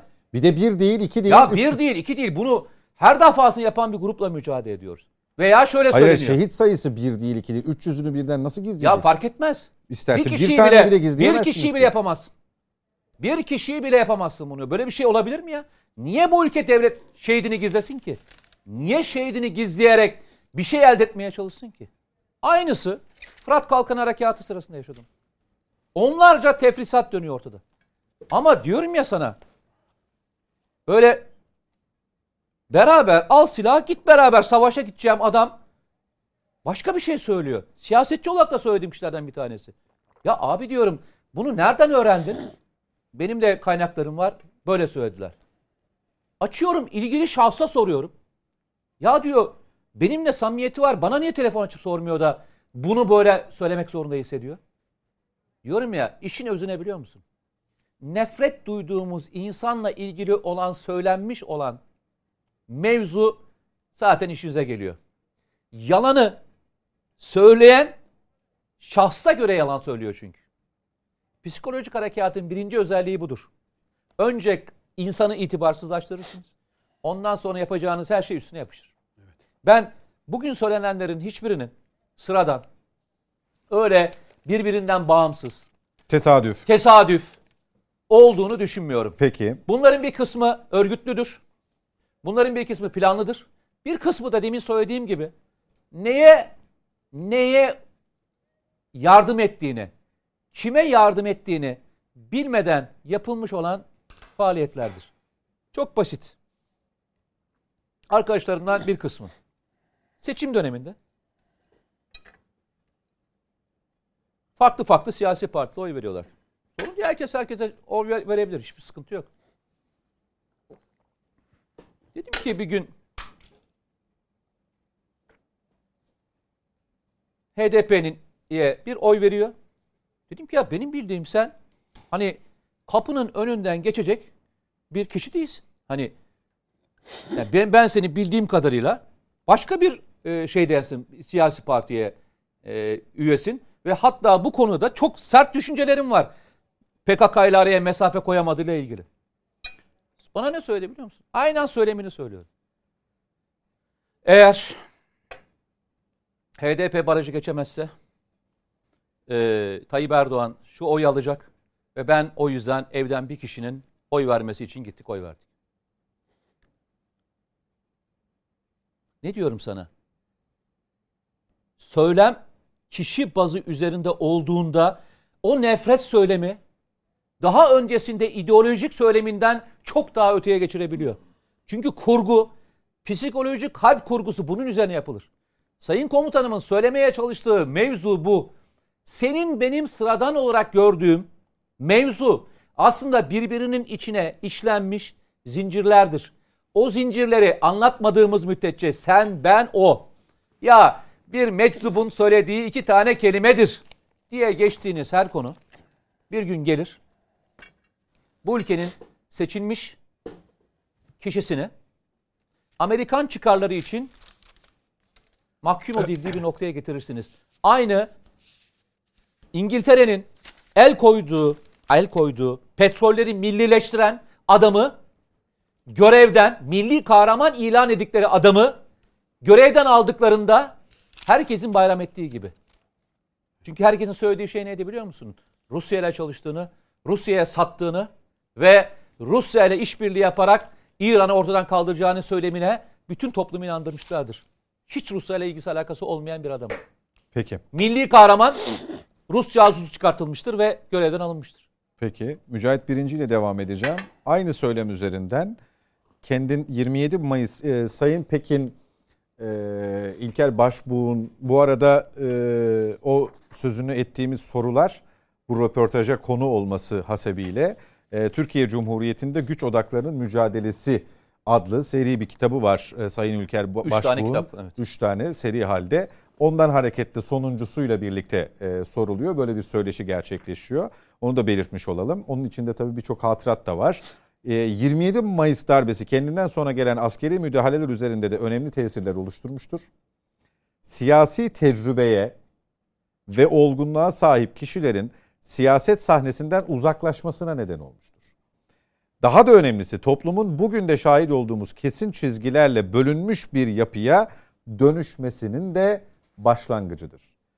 Ee, Sayın İsmail Hakkı Pekin, Sayın Mete Yarar dedi ki ben kişisel olarak Sayın İlker Başbuğ'un darbe özlemi içerisinde olduğunu, darbe imasında bulunduğunu düşünmüyorum. Fakat gerek bu cümle gerekse de siyasetin sahnesinden insanların uzaklaşmasına sebep olmuştur. Söylemi sanki bir darbeyi iyi, diğerini daha iyi ya da kötü, bir başkasını başarısız Evet. gibi bir kategoriye sokmamıza sebep olmuyor mu size göre? Ya tabii bu yeni bir... Bu Darbenin söylem- iyisi kötüsü gibi bir şey Ya çıkmıyor evet mu? maalesef e, bu e, özellikle sol tandansta işte se- 80 darbesi çok kötü ama 60 darbesi bir demokrasi mücadelesi gibi e, sürekli lanse edilir. Bunu biliriz. Hatta e, 80 darbesinde e, ağıtlar yakarlar bunlar. Filmler çekerler. Cezaevi filmlerini hepimiz hatırlıyoruz. Genelde sol, sol tandanslı arkadaşlar yapar bunu. Fakat ne hikmetse aynı sol tandanslı arkadaşlar bugün post-truth gerçeklerin Göbel stratejileri doğrultusunda yapılan propaganda çalışmalarının meftun olmuşlardır, peşlerine koşarlar. Bu deli saçmalarına, ortaya atılan deli saçmalarına biri dün yaşadık. Ee, bunun gibi e, onlarca sayabilirim. E, komutanım izah etti, saydı. E, bu e, şehitlerimizin rakamlarından tutun. Bir sürü deli saçmalarına inanırlar, inanmak isterler. Tabii bu e, aynı zamanda bir psikiyatrik meseledir. Sadece siyasetin de meselesi değildir bu. Bu e, kü- küçük bir kitle de değildir. Bunun peşinde koşan, e, bunun için e, küfür eden, bunun için hakaret eden, bunun için bir takım insanlara söven, kamuoyu önündeki insanlara söven, kamuoyu ins- önündeki insanlara bir takım algı çalışmaları da itibarsızlaştırma kampanyalarıyla sosyal medyada e, bazı terör örgütünün bot hesaplarıyla birleşip hakaret eden ve linç kampanyasına girişen bir kitle var. Fakat bunun rasyonel temel üzerinden yapmıyorlar tabii bunlar. Rasyonel temelleri doğrucu bir temel değil. Şimdi e, bunu bu tarafa koyduktan sonra gelelim e, İlker Başbuğ'un e, neden böyle bir çıkış yaptığına. Tabii bu röportajın hangi bağlamda bir kere röportajın niye yapıldığına bakmak lazım. Bu bir. Röportajı yapan kim? Ne murad ediyor? Planlı mı? Ne zaman planlanmış? Ne zaman konuşmuş? Bunlar önemli. İkincisi e, İlker Başbuğ'un hakikaten şeyi okuyunca yani genel perspektifte de- değerlendirince e, değerli komutanlarımın e, söylediğinin çok dışına aslında yani böyle tam da darbe şakşakçısı. Ya bir diğer video gibi değil yani öyle bir e, öyle Can bir hat bilmeme. Elbette canım öyle bir hat bilmeme yok. Sonuçta devletin bazı kademelerinde vazife yapmış e, bir Genelkurmay Başkanı'dır. Değerli bir askerdir. Biz İlker fikir Başkan. olarak katılmadığımızı söylüyoruz. Yani, Yani fikirlerine katılmadığımızı Şu söylüyoruz. var, şu var. Ee, bunu bir tarafa koyalım. Yani öyle bir darbe şakşakçılığı falan değil. Ya Belli buradan, ki- çok özür dilerim. belli buradan ki bir şöyle şeyler bir şey sorulmuş. çıkmaz değil mi? Ee, 27 Mayıs'la ilgili erken seçim kararını şayet Menderes merhum açıklasaydı darbe olmazdı. O 60 için söylenmiş. Alalım bugüne. 2020'nin sonlarına doğru. Erken seçim istiyor diye muhalefet çok. Erken seçim. Ee, bir an önce erken seçim olmalı demek istemiştir Sayın Başbuğ. Olmazsa darbe olacaktır. İşte E, dolayısıyla yani- da bir darbenin hazırlığı vardır bugün. Ya tabii- Buraya varır mı bu? Şöyle söyleyeyim Sayın Başbuğ eğer bunu demek istese ya burada avukatlığını yapmayalım. Ben e, Sayın Başbuğ'un bir takım çıkışlarını hakikaten bunun içeriği dahil itirazlarımı serdederim. Değerli komutanlar bu itirazları serdettiler. İçerikte katılmadığımız birçok nokta var. Veya bakış açısı olarak bizim bakış açımız olmayacak. Hiçbir zaman olamayacak noktalar da var. Ama yani bunun topyekun bir darbe çağrısı gibi veya e, darbe çağrıştıran bir mevzu gibi ortaya konulmasında asıl operasyon olabilir. Bakın başka bir şey söylüyorum bu İlker Başbuğ bu beyanları iyi niyetle kitabını açmak için yapıyor olabilir. Fakat bu beyanların kullandığı zemin e, veya kullanıldığı zaman e, şey olabilir. e, farklı bir e, operasyonun uzantısı olabilir. Anlatabiliyor muyum? Hani İlker Başbuğ burada e, bir e, şeydir. E, kamuoyu önünde e, işte tartışmaya yol açacak bir e, zat olarak ortaya konulmuştur. E, o ama onun üzerinden bir başka hadise cereyan etmektedir. Bir başka fırtına koparılacaktır. E, İlker Başbuğ'un söylediklerini tamamen minvalinden kopartma noktasında. Bak ne tartışıyoruz şimdi? İlker Başbuğ içerikte neler demiş? Aslına bakarsan bir yakın tarih perspektifi de çizmiş. Fakat tartıştığımız nokta tamamen ayrı. Şunu söylüyorum bakın İlker Başbuğ şu andaki erken seçime işaret etse e, burada işte vitesi boşalacak bir, bir e, birisi değil ki. Açıkça söyler yani memleketin erken seçime ihtiyacı vardır diye siyasi mülazalarını dile getirir kanaatindeyim ben. 15 Temmuz'la kıyaslanamaz bile demiş mesela. Dile getirir kanaatindeyim pardon. 15 Temmuz'la e, kıyaslanamaz demiş. Neyi, neyi Bunu kıyaslar? ama yok. şeyle ilgili söylüyor. Talat Aydemir, Talat Aydemir. Talat Aydemir olayıyla e, kıyaslayamazsınız diyor. Kıyaslayanlar oldu çünkü çok. Onun için sorulmuş o soru. Ay ne Yani- alakası var Talat Aydemir, Aydemir olayı 15 Temmuz'un? Şu. O da e, bir darbe girişimi ya. E tamam da yani e, Talat Aydemir darbeye darbe yap- yapma girişimi yani. işte 22 bir Şubat darbeye darbe yapma girişimi. 22 Şubat hatırlatmasında bulunuluyor. Ee, onun hikayesini anlatıyor soruya karşılık. Ee, bir başka soru şunu doğuruyor. Talat Aydemir ve Seyhan'ın darbe girişiminin planlı ve hazırlıklı olmadığını söylüyorsunuz diyor. Ee, Birçok yanıyla bu kalkışma 15 Temmuz'da kıyaslandı. Katılır Anladım. mısınız? O bakımdan deniyor. anladım, anladım. O Hayır. da hayır katılmam. İkisi de darbe girişimidir. Bravo. Neticede Doğru. onu teslim ediyor. Doğru. Ama aralarında dağlar kadar fark var diye de ekliyor. Doğru. E, İşte orada e, şahsı bir tarafa bırakalım. Ben bunun e, sunuş zamanlaması, bu röportajın yapılış sebebinde bir soru işareti ararım. Anlatabiliyor muyum? Daha nasıl açıklayayım yani? Bu, zamanlama e, manidardır. Soru işareti odur. Çünkü şahısın o kadar hani diğer diğer e, şey haddini bilmez o açıklamalar, beyanlar gibi, çukur ifadeler gibi ifadeleri yoktur. Fakat şu e, tabii toplumda İlker Başbuğ konuşunca neden böyle bir tartışma zemini oluşuyor? E, eski beyanlarından, bagajından kaynaklanan bir hadisedir o. Yani böyle kritik zamanlarda e, mikrofon uzatılan bir e, zat olmuştur İlker Başbuğ. Dolayısıyla bu itirazların ve tartışma noktaların e, mazur görmek lazım. Bir. İkincisi işte bu diyorum ya hani o solcular e, ki e, filmler çektiler, ağıtlar yaktılar 80 darbesine. Fakat bu şu ana bakıyoruz ya darbe şakşakçılığında veya darbe talebinde e, yani çok öndeler yani. Bu bakın e, bir e, gen- genel başkanın veya bir il başkanının beyanlarını hatırlıyoruz. Bir partinin il başkanının açık bir şekilde yani seçimli veya seçimsiz gibi e, her tarafa çekilebilecek lastikli ifadelerinden bahsediyoruz. Mete Bey söyledi. Diyor ki ifadeler kullanılan ifadeler öyle çok masum ağızdan kaçan ifadeler değil. Bakın ba- birkaç örnek verdi. Ben de şunu ekleyeyim. Şu tıpış tıpış hadisesi var ya defaatle kullanılan. Bu öyle çok e, şey e, istisnai işte ağızdan kaçmış bir söz falan değil. O Avrupa İnsan Hakları Mahkemesi Demirtaş kararında tıpış tıpış vurgusu neden böyle mesela devletin o kademesinde olan bir insan e, bir ana muhalefet partisi lideri, eski ana muhalefet, şu anki muhalefet partisi lideri neden böyle bir lisan kullanır? Yani tıpış tıpış değil mi? Bir Avrupa İnsan Hakları Mahkemesi kararı söz konusu ve e, kim hakkında söz konusu? 6-8 Ekim olaylarının kışkırtıcısı hakkında konu, söz konusu. Bu bir. Bakın şu, mesele şu. Biz gezi sürecinde bir takım simgeler gördük değil mi sürekli? Simgeler. Piyano çalan adam, kırmızılı kadın, işte yakın mesafeden ona gaz sıkılması, o devletin eli sözde, yakın mesafeden gaz sıkılması, işte baskıcı devlet veya işte çapulcuyum çapulcu diye e, pankart açan bir tröst e, şeyi e, yönetim kurulu başkanı, çapulcuyum çapulcu ve bunun ne, bugün ne olarak sattılar mesela? O e, cebinde milyon dolarlar olan insanlar çapulcuyum çapulcu pankartlar açtığında ne olarak sattılar? sattılar? Bunu devrim değil mi? Direniş dediler buna. Ya böyle bir devrim direniş olabilir mi ya? Hani dünya tarih dünya tarihinde devrim literatüründe böyle işte proletaryadan, işçi sınıfından gelmeyen, e, bir e, ezilmişlerin sınıfından gelmeyen insanların bir rol verildiği bir devrim direnişten bahsedilebilir mi? İşte bu simgeler bak, öteki taraftan bak 17-25 Aralık'ta ne hatırlıyoruz? Biraz şey e, idrak ettik. 17-25 Aralık'ın o hadsizliğini maalesef tekrar 17-25 Aralık'ta geçtiğimiz dönem hatırladık. Milletvekilleri tweet attı, biz tweet attık, sosyal medyada bu konuşuldu. Ne hatırlıyoruz orada? Para sayma makineleri değil mi? Para sayma makineleri evde varmış gibi imaj çizerek işte ayakkabı kutusu, para sayma makinesi. Bakın sürekli simge üzerinden giden bir hadise var. E, devam ediyor zaten. Yani o simgeler mesela e, SMA'lı hasta evlatlarımızın hastalığı mesela bakın kutsi, mukaddes simgeler üzerinden giden bir hareket var. Ben buradan uyarıyorum tekrar. Bakın bunlar çok böyle e, tesadüfi hadiseler değil. Bunlara dikkat etmemiz lazım. Ağaç nasıl simge olarak kullanılmışsa bu simgeler kullanılmaya devam ediyor. Temeli ne? Mete Bey çok iyi izah etti onu. Temeli ne biliyor musunuz? Nefret. Bu nefret, bu nefret dolayısıyla bir kitle bütün manipülasyonlara ve Göbel strateji ve taktiklerine inanmak zorunda hissediyor kendini. Yeter ki alaşağı olsun.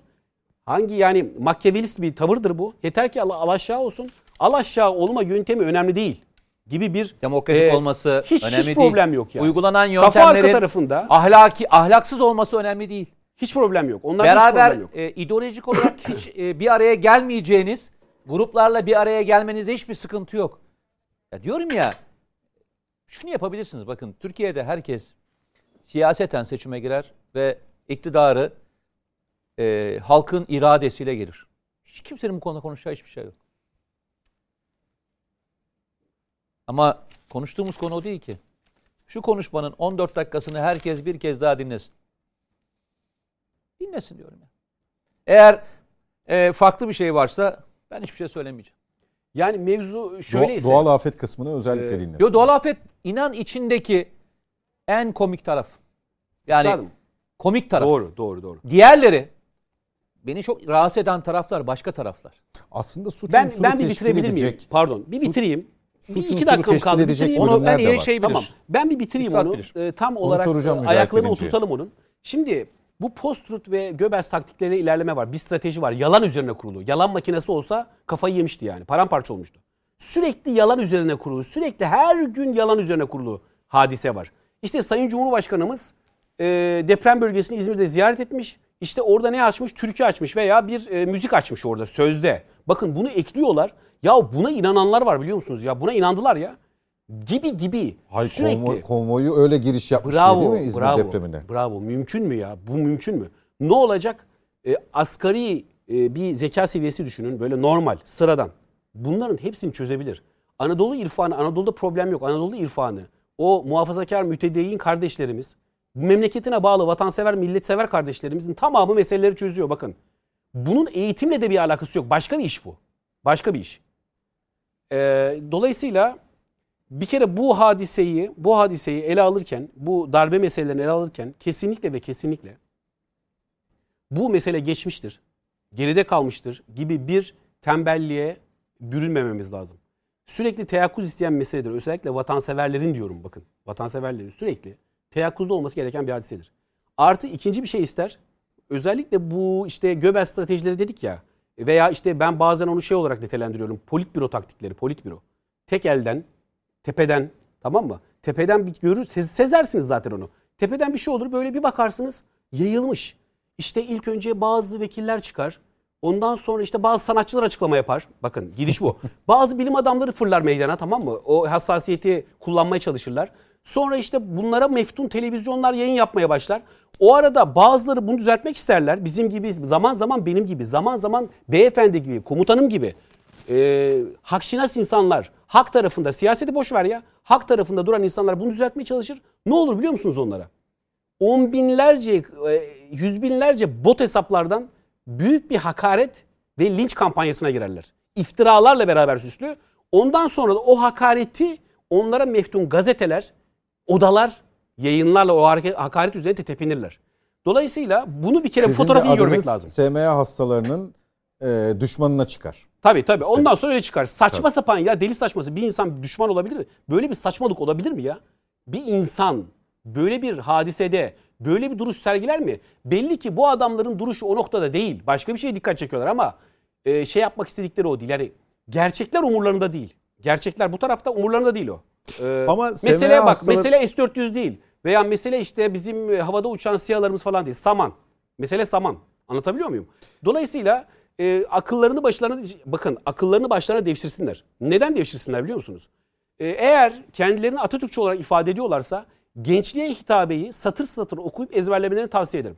Bakın o gençliğe hitabeyi 15 Temmuz'da bir hakkın yerine getiren kimdir biliyor musunuz? Kim olduğu belli. Sahaya bakın. Kimleri görürseniz onlardır.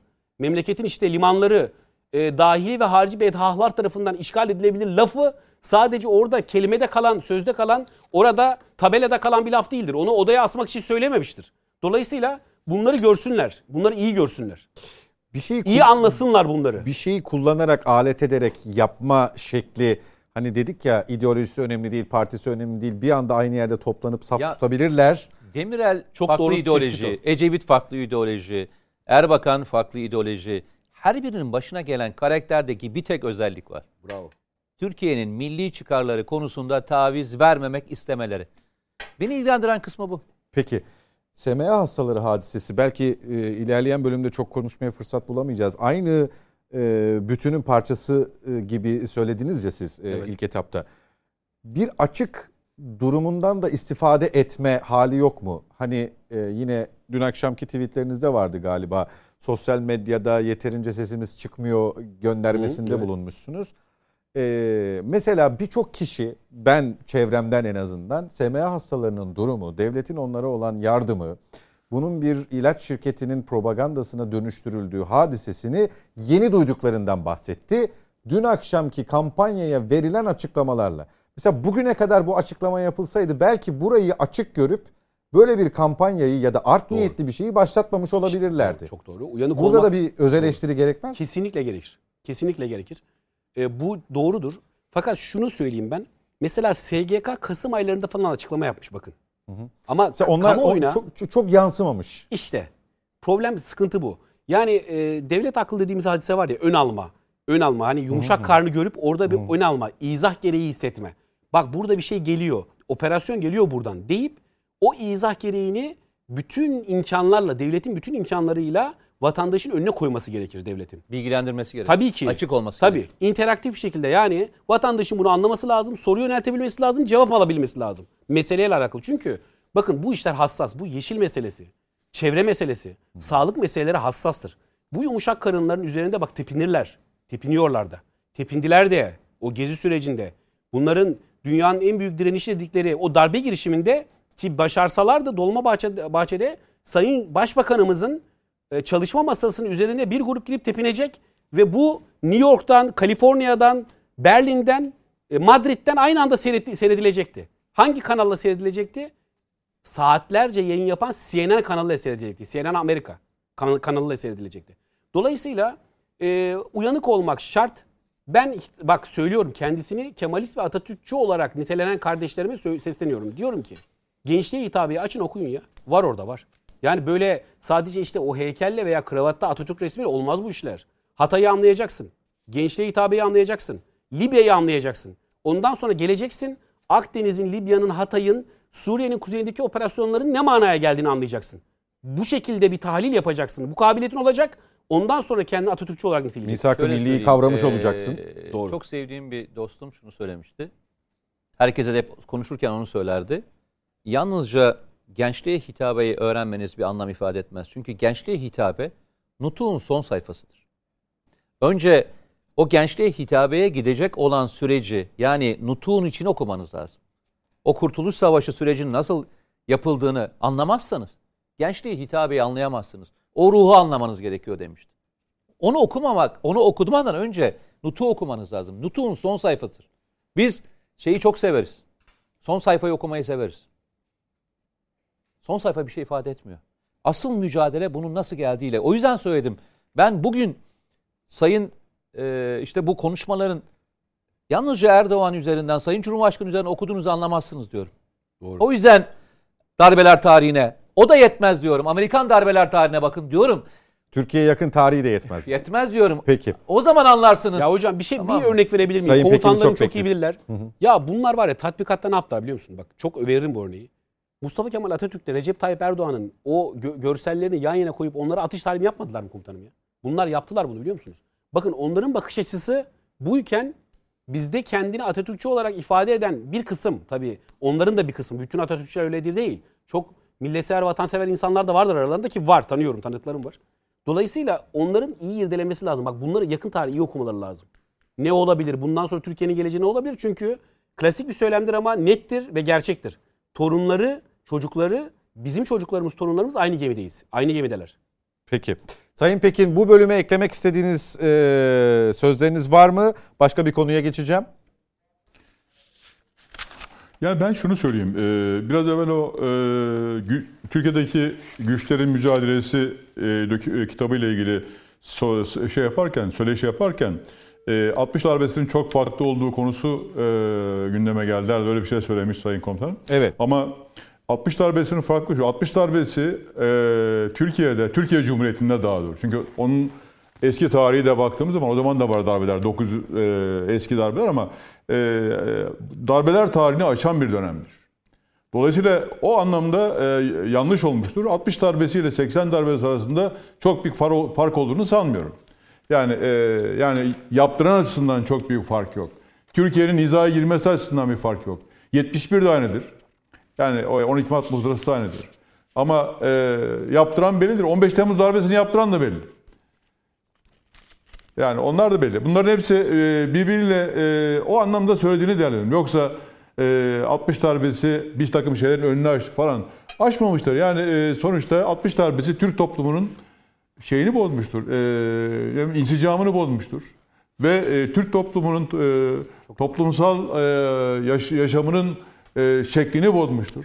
Ve e, tepeden inme bir şey geldiği için de allak bullak olmuştur ülke. Yani e, üniversite öğrencileri, diğerleri, e, üniversiteden atılanlar var. 1402'likler, şunlar bunlar hesaba kattığımız zaman bütün toplumun darmadan etmiştir. Ve hocam pardon, 71 komutanım- darbesi başka bir darbeyi önlemek amacıyla. Komutanım TSK Başka bir ile, darbeyi önlemek TSK amacıyla ile halk arasında e, bu büyük bir kırılmaya yol açmış mıdır? Elbette ki yol açmıştır değil mi? 60 darbesi. Ay, tabii atmaz olur mu?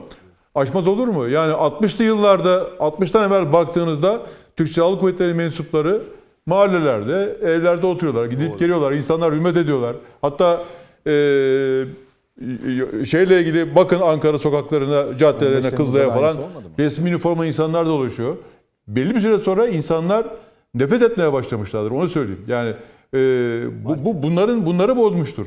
Eee, Türk toplumunun geleneklerini, göreneklerini bozmuştur ve eee, yönetim şeklini bozmuştur. Yani sonuçta eee 60 Anayasası bir takım haklar getirse bile 61 Anayasası eee, yani eee, sistemi kökünden bozduğu için bir türlü oturamamıştır. Bakın hala onun acısını çekiyoruz. Hala onların getirdiği bir takım eee, şeyleri, kurumları, batı, eee, daha doğrusu vesayet kurumlarını kurumlarıyla uğraşmak durumda kalıyoruz. Onların şeyini yapamadık. Eee, kendi bünyemize uyduramadık. Oradan aldık, getirdik. Eee uydurduğumuzu sanıyorduk ama toplum eee, kabul etmedi bazı şeyleri. Toplumun kabul etmediği şeyleri eee, uygulamaya çalışmak, zorlamak maalesef eee, böyle bir şey olmuştur. Hatta şunu söyleyeyim ben. Eee şey de eee, şu Aydemir, Talat Aydemir'in iki darbe girişimi de bana göre şeydir. Eee, yani eee, o zamanki işte iktidara şey vermektir. Eee yön vermek amacıyla yapılmıştır. Yani gene Amerika'nın izleri vardır e, darbede. Yani o milliyetçi bir darbe falan değildir e, şeyin yaptığı da. O da tamamen e, yola gel. Çünkü ondan evvel biliyorsunuz e, şeyde e, komiteden 14'ler atılmıştır. Yurt, yurt dışına sürgüne gönderilmiştir. Atılma demeyeyim de yurt dışına sürgüne, sürgüne gönderilmiştir. Ve Amerika'nın istediği bir yönetim şekli e, ortaya çıkmıştır. Bakın 60'tan sonra e, nelerin geliştiğine yani şey dahil olmak üzere, FETÖ dahil olmak üzere Türkiye'de nelerin geliştiğine bakın. E, ne duruma gelmişiz onlara bakın. Yani Türkiye e, çok e, zor anlar yaşadı. Yani e, askerine posta bile alamadığı anlar yaşadı ama e, bu darbeler, bu darbeler bizi en çok da halkla birlikte e, olma e, olayından, halkla birlikte yaşama olayından e, şeye doğru çekmiştir, lojmanlara doğru çekmiştir. İnsanlar ayrılmıştır e, şeyden, e, halktan. Tabii bunun içinde emniyet de var ama e, insanlar askerlerine, subaylarına, az subaylarına şeyle bakmaya başlamışlardır. Yani işte bunlar e, katildir, bunlar şunu yaptılar, bunu yaptılar gibi çok büyük ithamlarla e, bakmaya başlamıştır. Böyle bir nifak tohumu e, orduyla halk arasında böyle bir nifak tohumu, çekmiştir. Ben e, Genelkurmay e, Kara Kuvvetleri Personel Başkanı atandığım yıl 2002 yılında tüm generalleri terfi ettim. İlker Paşa da o zaman şeydi. e, yeni terfi etmişti ve Kara Kuvvetleri Kurmay Başkanıydı. Bana verdiği ilk görev iki tane e, şeyle ilgili. Bir tanesi ordu içindeki iletişimin bozulduğunu ve bu iletişimin sağlanmasını yani aşağıdan yukarıya ve yukarıdan aşağı doğru. Bununla ilgili neler yapabiliriz? İkincisi halkla ordu arasındaki iletişimin bozuk, bozulduğunu ve bunlar için yapmamız gerekenlerle ilgili bir çalışma yaptım 6 ayda falan. Bunları e, kendisine arz ettim. Bunları Genelkurmay Başkanı'na gönderdik. Yani o da onlar da farkındaydı. Orduyla orduyla halk arasındaki iletişim kopukluğunun. Onlar da farkındaydı. Az rütbelerle üst rütbeler arasındaki iletişim kopukluğunun. Yani e, bütün bunlar bize e, şeyden miras hep şunu söylüyorum. Bazen e, arkadaşlarım şey yapıyor ama Türk Silahlı Kuvvetleri kendi işini yapacak. Kendi işini yaptığı zaman, kendi işini yaptığı zaman bu sorunlar olmaz. Silahını, tesisatını, kendisine ne lazım, nasıl muharebe edecek, nasıl teşkilatlanacak, dünya nereye gidiyor? Biz o zaman e, Türkiye'nin politikalarında, siyasetini desteklemek için nasıl bir silahlı kuvvetler yapmamız lazım? Aslında bunlarla uğraşmamız lazım. Bunlarla uğraşmadığımız, uğraşmadığımız için işte e, iktidarı, e, vesa, vesayet yönetimi ve diğerleriyle uğraştığımız için maalesef e, şeyden sonra 91'e yani 90'a hatta çok hazırlıksız yakalandık. Yani e, bu e, Soğuk Savaş döneminin bitimine, Sovyetler Birliği'nin dağılımına. Ondan sonra da kendimizi bir türlü toparlayamadık. Ancak 2000'li yıllardan itibaren kendimizi toparlamaya başlayıp e, ki etrafımızdaki tehditlere uygun bir kuvvet yapısına geçmeye çalıştık. Şu anda hala bu çalışmalar devam ediyor. Teknoloji dahil bunun içerisine, diğerleri dahil. Onun için Modernizasyon e, dahil. bir daha bakmamız lazım. Yani yapılmış olsaydı şu an e, çok başka evet. bir noktadaydı. Evet çok tabii çok daha farklı noktada olabilirdik. Peki. Ee, yine Yani ben evet.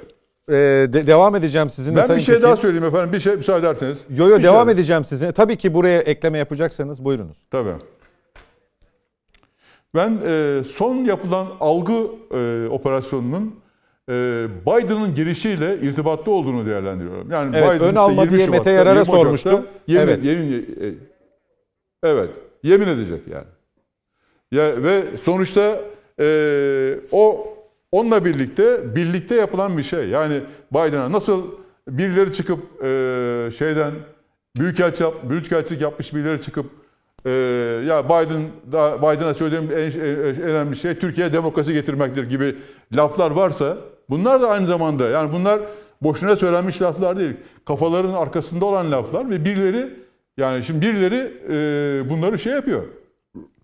Ya o büyükelçi, emekli büyükelçi durup dururken mi e, böyle bir şey söyledi?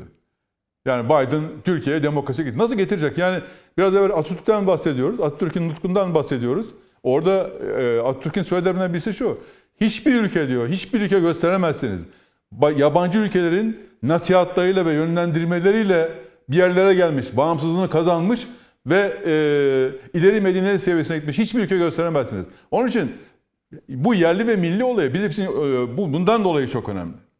E, Yani e, bu fikirler yerli milli falan değil. Bu fikirler e, birileri tarafından e, üretilen ve e, gazeteler vasıtasıyla, başka şeyler vasıtasıyla bize empoze edilen aydınlarımıza, aydınlarımız da mal bul- bulmuş marip gibi e, eline geçirip bunları kendi fikirleriymiş gibi yayarak e, toplumu zehirlediği fikirler. Yani bunlara iyi bakmamız lazım.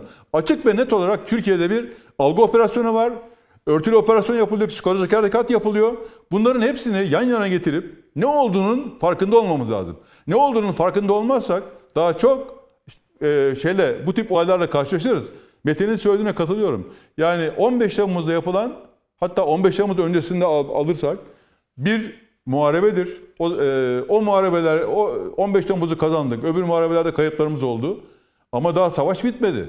Savaş birçok muharebelerden e, oluşur ve siz e, son savaşı e, son muharebeyi kazandığınız zaman artık o savaş biter. Onun için daha önümüzde çok uzun zaman var. Mücadeleye devam edeceğiz. Bizim gibi bütün ülkelerin Amerika dahil sorunları var. Hepsinin sorunları var. Hem de beka sorunları var. Hepsinin. Yani Amerika dedi yani bunlar hepsi denge üzerinde yürüyen ülkeler. Biz de Derdüstü aynıyız. muradüstü değil hiçbiri. Hangi ülke e, yani her ülke evet her ülke başka bir ülkenin dengesini bozmaya çalışıyor. Peki Sayın Pekin e, Yani bu böyle videoda böyle böyle baktığımızda sorunlarımızdan sorunlarımızdan korkmamamız gerekiyor. Onu demek istiyorum. Peki. Ee, yavaş yavaş son bölüme gireceğiz. Ee, Can Ataklı'nın videosunda saydığı e, hepimizin aklında komik kısmıyla doğal afetler kaldı belki ama e, ilk bölümde konuşmuştuk. Mete Yarar hatırlatmıştı. Bir savaştan mağlup çıkılması. Orada da e, örnekler arasında Suriye, işte İdlib vesaire bizim e, bulunduğumuz işte harekat bölgeleri e, denklemin içinde yer almamız hatırlatmasında bulunuluyor. Bence hiç bilinçsiz değil. E, böyle bir savaştan ya da herhangi bir savaştan mağlubiyetle ayrılınmasını gösteriyor e, Sayın Erdoğan'ın e, iktidardan inmesi, görevden ayrılması için. E, bir yandan da tabii orada Ama yine, yine yine seçim yok ortada. seçim yok ortada neticede. Nasıl inecek? E, Bir şey söylemiyor orayla ilgili. Nasıl inecek? Onu paylaşmıyor bizimle. Bir sonraki videoda belki. Peki. Ee, şunu soracağım Sayın Pekin. Bir yandan e, Suriye, bir yandan Irak.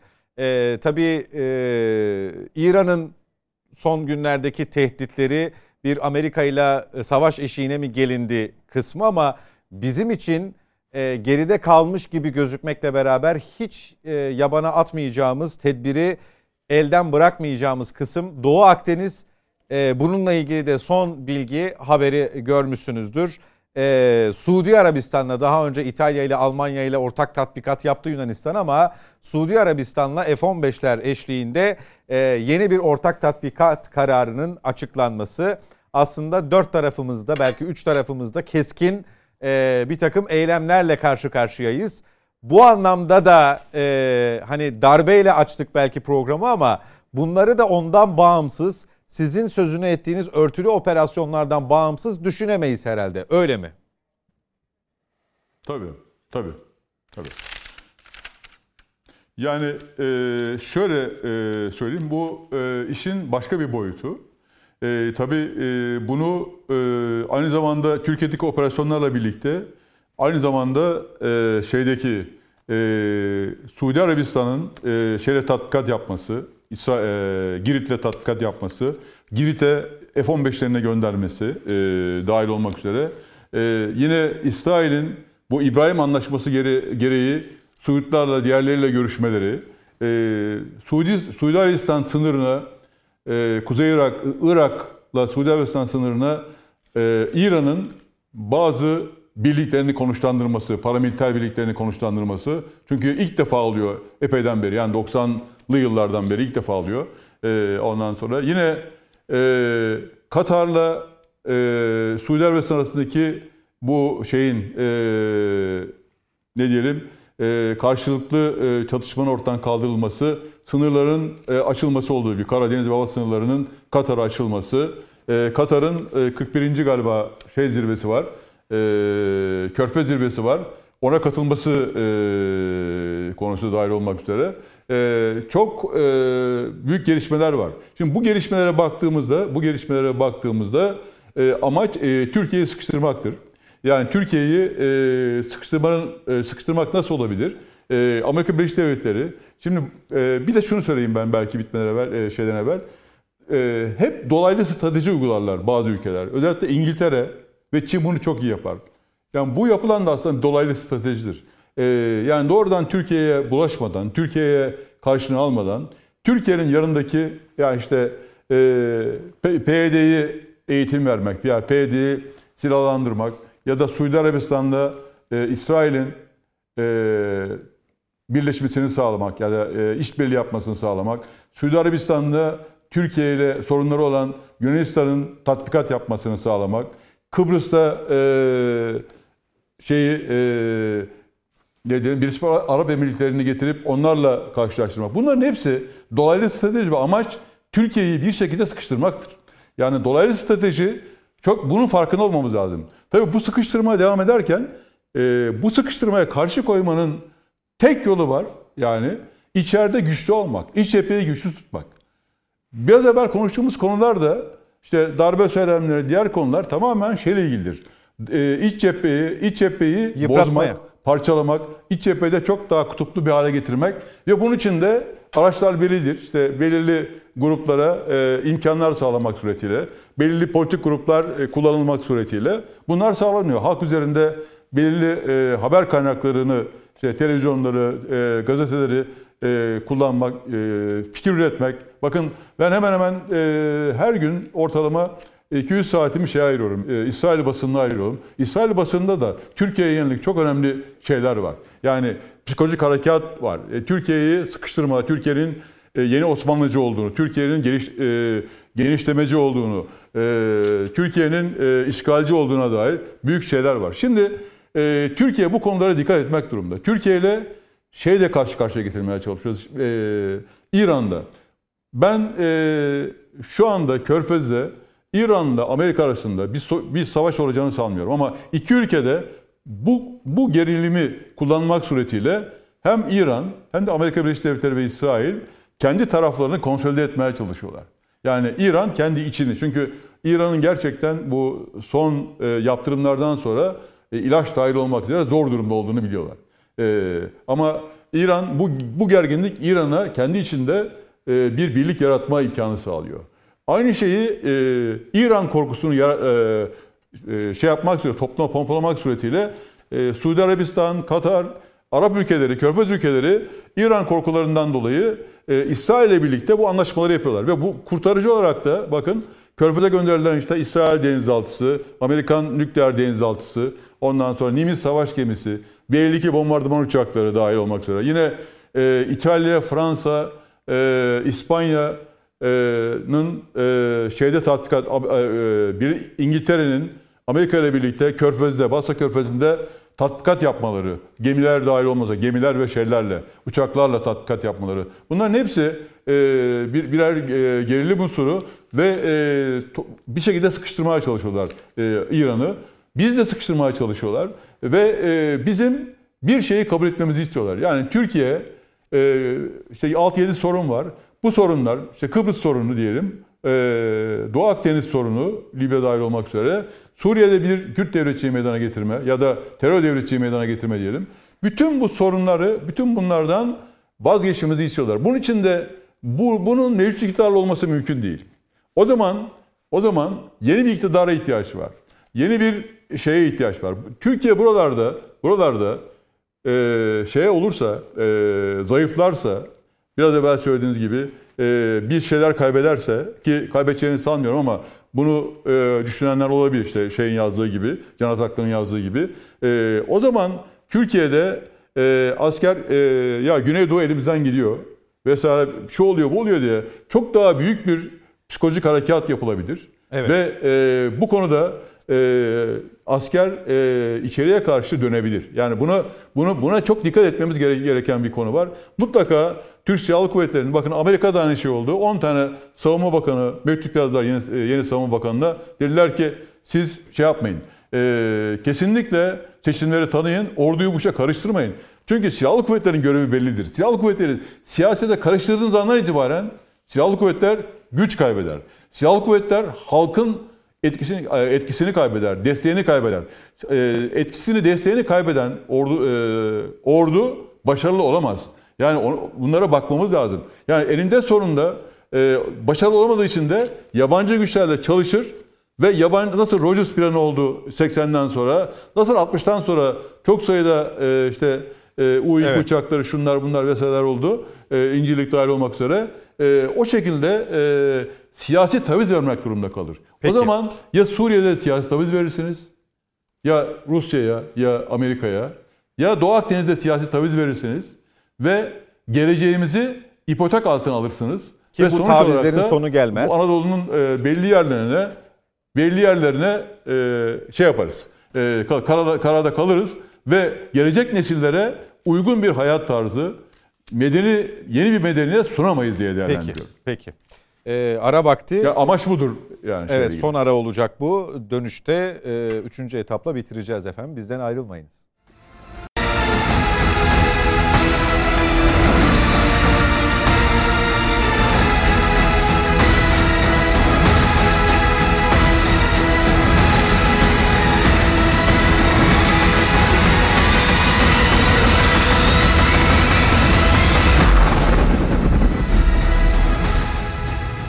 Yeniden birlikteyiz. Net Bakış'ın son etabına girdik efendim. Mete Yarar, Mücahit Birinci ve İsmail Hakkı Pekin'le devam ediyoruz. Mücahit Bey, e, İsmail Hakkı Pekin e, Türkiye'nin çevresinde daha doğrusu dışarıda yaşanacak olası tehditleri bertaraf edebilmek için içeride çok çok güçlü olması gerektiğini söyledi. E, bunun da yolu askerin, milletin gücünü arkasında hissetmesiyle e, çok yakından alakalı olduğundan bahsetti. O ilk bölümde konuştuğumuz darbe, her darbeden sonra askere olan güvenin azalması, onu tekrar tesis etmek için yoğun bir çabanın sarf edilmesi e, yıllar aldı. E, nitekim o 1960 örneğini, 80 örneğini verirken Mete o e, bir Anadolu'da yaşadığı e, canlı şahidin e, anekdotunu paylaşırken de e, ne, neler söylendi, hangi gerekçelerle yönetime el kondu e, ve biz nasıl aldatıldık kısmını paylaşırken izleyicilerimizle aynı kapıya çıkan bir e, tüme varım söz konusu. E, şunu sormak istiyorum. E, yaklaşık bir aydan daha fazla belki Barış Pınarı bölgesinde yoğun bir sızma girişimi var. Yoğundan kastım şu. 3-4 terörist etkisiz hale getirildi deyip veriyoruz haberlerde bitiriyoruz kısaca. Hatta bazen 20'li bazen Evet. 10'luk küsürlü oluyor. Sadece bir ayda son paylaşılan 10 günde mi ya da bir ayda yanlış olmasın 40 terörist öldürüldü. Aynı bölgeden sızma girişimiyle. Bunların e, çoğunun amacının e, bir eylem planı olduğu da yine e, yetkili makamlar tarafından hem jandarma hem askeri kaynaklar hem İçişleri Bakanlığı tarafından aktarıldı. E, Türkiye bu operasyonlar başlamadan önce ta Fırat Kalkanı'na kadar gidebiliriz. O bölgede özellikle sınır hattımızda e, yoğun saldırılara maruz kalmış birçoğunu da birçok saldırı girişimini de engellemişti. E, fakat bugün e, hem o bölgede oluşumuz güçlü bir şekilde oluşumuz hem de e, askerin o İsmail Hakkı Paşa'nın ifade ettiği gücünü, milletin gücünü yoğun şekilde arkasında hissetmesi e, vesilesiyle bunu minimumda tutuyoruz. Ama bir yandan da Türkiye'yi bir yandan darbeyle, bir yandan algıyla, bir yandan örtülü operasyonla sıkıştıranlar, sıkıştırmaya çalışanlar bazen Doğu Akdeniz'le, bazen Suriye'yle, bunu Rusya'yı da buna Rusya'yı da dahil edebiliriz tabii denklemin içinde olması hasebiyle. e, ayrı bir yöntemle bu sıkıştırmayı gerçekleştiriyorlar. E, hazır bu sıkışmışlık varken içeride de o sözünü ettiğimiz algıyı köpürtmenin tam zamanı diye mi düşünüyor bu sözünü ettiğiniz mihraklar? Tabii. Şimdi e, bu e, yurt dışından gelen özellikle Amerika Birleşik Devletleri'nden gelen uzun süre NATO bağımlılığıyla bakın NATO üyeliği demiyorum NATO bağımlılığıyla hareket eden bir damar Türkiye'de hala Türkiye'nin Amerika'nın e, çizdiği rotada gitmesini savunan, bunu isteyen bir şekilde motive edilmiş, bir şekilde motive edilmiş. Bunların motivasyon e, çeşitleri tabii e, farklıdır. E, şahıs şahıs farklılık arz edebilir bu. Nasıl motive ettikleri. Bunu iç, içeride şunu söylüyorum. içeride bağlantınız olmazsa, içeride ucunuz olmazsa veya içeride bir takım yayın organlarınız olmazsa bu operasyonları yapmak son derece zorlaşır. İşte burada topluma düşen vazife sizin beyan ettiğiniz vazifedir. Nedir? Toplum bu şeylere, bu operasyonlara, müdahalelere uyanık olmak durumundadır. Uyanık olmak durumundadır. Çünkü yaşadığımız coğrafya çok uzun zaman evvelden beri, binlerce yıldır yaşadığımız coğrafya belli bedeller ödetme, belli bedeller ödemeye e, ödemek zorunda olunan bir coğrafyadır yaşadığımız coğrafya. Dolayısıyla bu e, coğrafyanın kendi özelliğinden, jeostratejik, jeopolitik özelliklerinden kaynaklanan da bir hadisedir. E, dolayısıyla burada ne yapılması lazım? Bir uyanık olması lazım. İki, yetmez toplumun uyanık olması. Devlet millet bütünlüğünün sağlanması lazım. Birbirine entegre geçmiş vaziyette olması lazım. Devletle milletin. Yani toplumun devletin organlarına, e, adalet sistemine, yargısına, e, demokrasiye güveni, inancı olması lazım. E, bütün kurumlarına, Türkiye Büyük Millet Meclisi dahil, milletvekilleri dahil.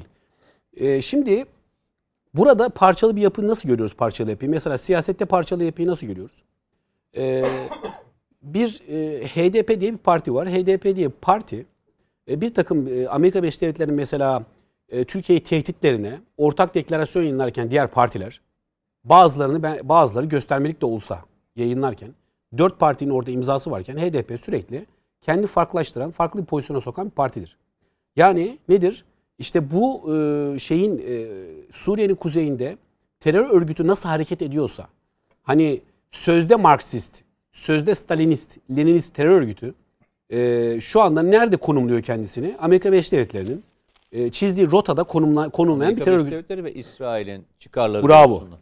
Bravo. Amerika Birleşik Devletleri ve İsrail'in çizdiği rotada e, zincirle bağlı bir şekilde ne derse, gak derse, gak huk derse huk şeklinde e, kendini e, örgütlemiş, motive etmiş bir şekilde görüyoruz Suriye'nin kuzeyindeki unsurları.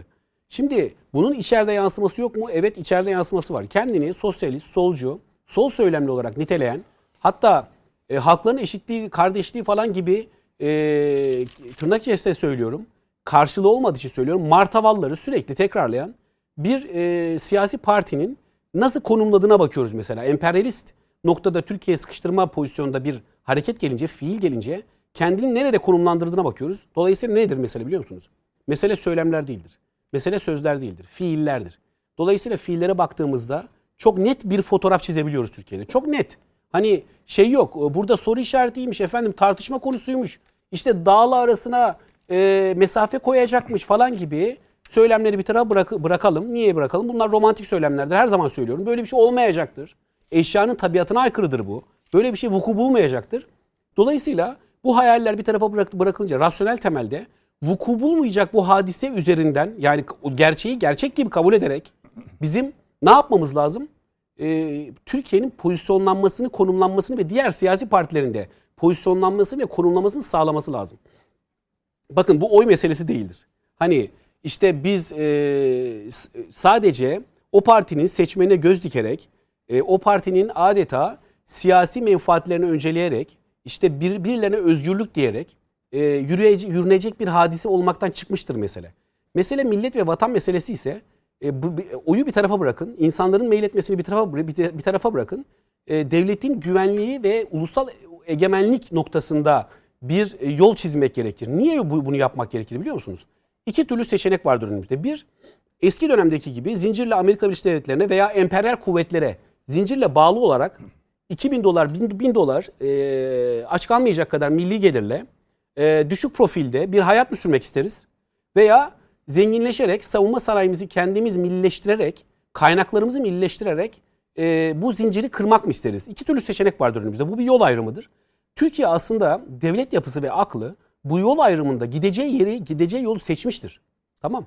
Fakat buraya sürekli direnç direnç gösteren e, mihraklar, odalar, e, şeyler e, bu e, Mustafa Kemal Atatürk'ün tabiriyle mandacılar sürekli işte bu e, mandacıların bir takım söyle, söylemleri, müstemleke zihniyeti sürekli e, Türkiye'nin bu noktada gitmesini frenaj e, yapmaktadır. Fren koymakta, e, koymaya çalışmaktadır. Bu işte böyle okumak lazım. Ben işte Akdeniz'deki meseleleri, Azerbaycan'daki meseleleri, Karadeniz bu doğalgaz meselelerinin tamamını Türkiye'nin bu gittiği rotada e, aslına bakarsanız tabii Amerikan emperyalizminden o Türkiye'nin e, bir zamanlar göbeğine böyle sert bir şekilde oturmuş Milli İstihbarat Teşkilatı'nın dahi çok ciddi bir etki altına almış o emperyalist baskıdan e, kurtulan Türkiye'yi görüyorum ve ona karşı direnen e, çok net Amerika Birleşik Devletleri'nin yapılarını görüyorum. İşte Pentagon'dur, CIA'dir ve bunun e, buradaki kendi topraklarımızdaki uzantılarını seyrediyoruz şu anda. Şu anda görüntü o. Ama ne yapıyor? Bu direnci kim sergiliyor? Şimdi ben sergiliyorum, siz sergiliyorsunuz, o sergiliyor, diğer yazar sergiliyor, fikir adamı sergiliyor, siyasetçi sergiliyor ve Sayın Cumhurbaşkanımız sergiliyor. Çok dik bir şekilde sergiliyor hem de bunu.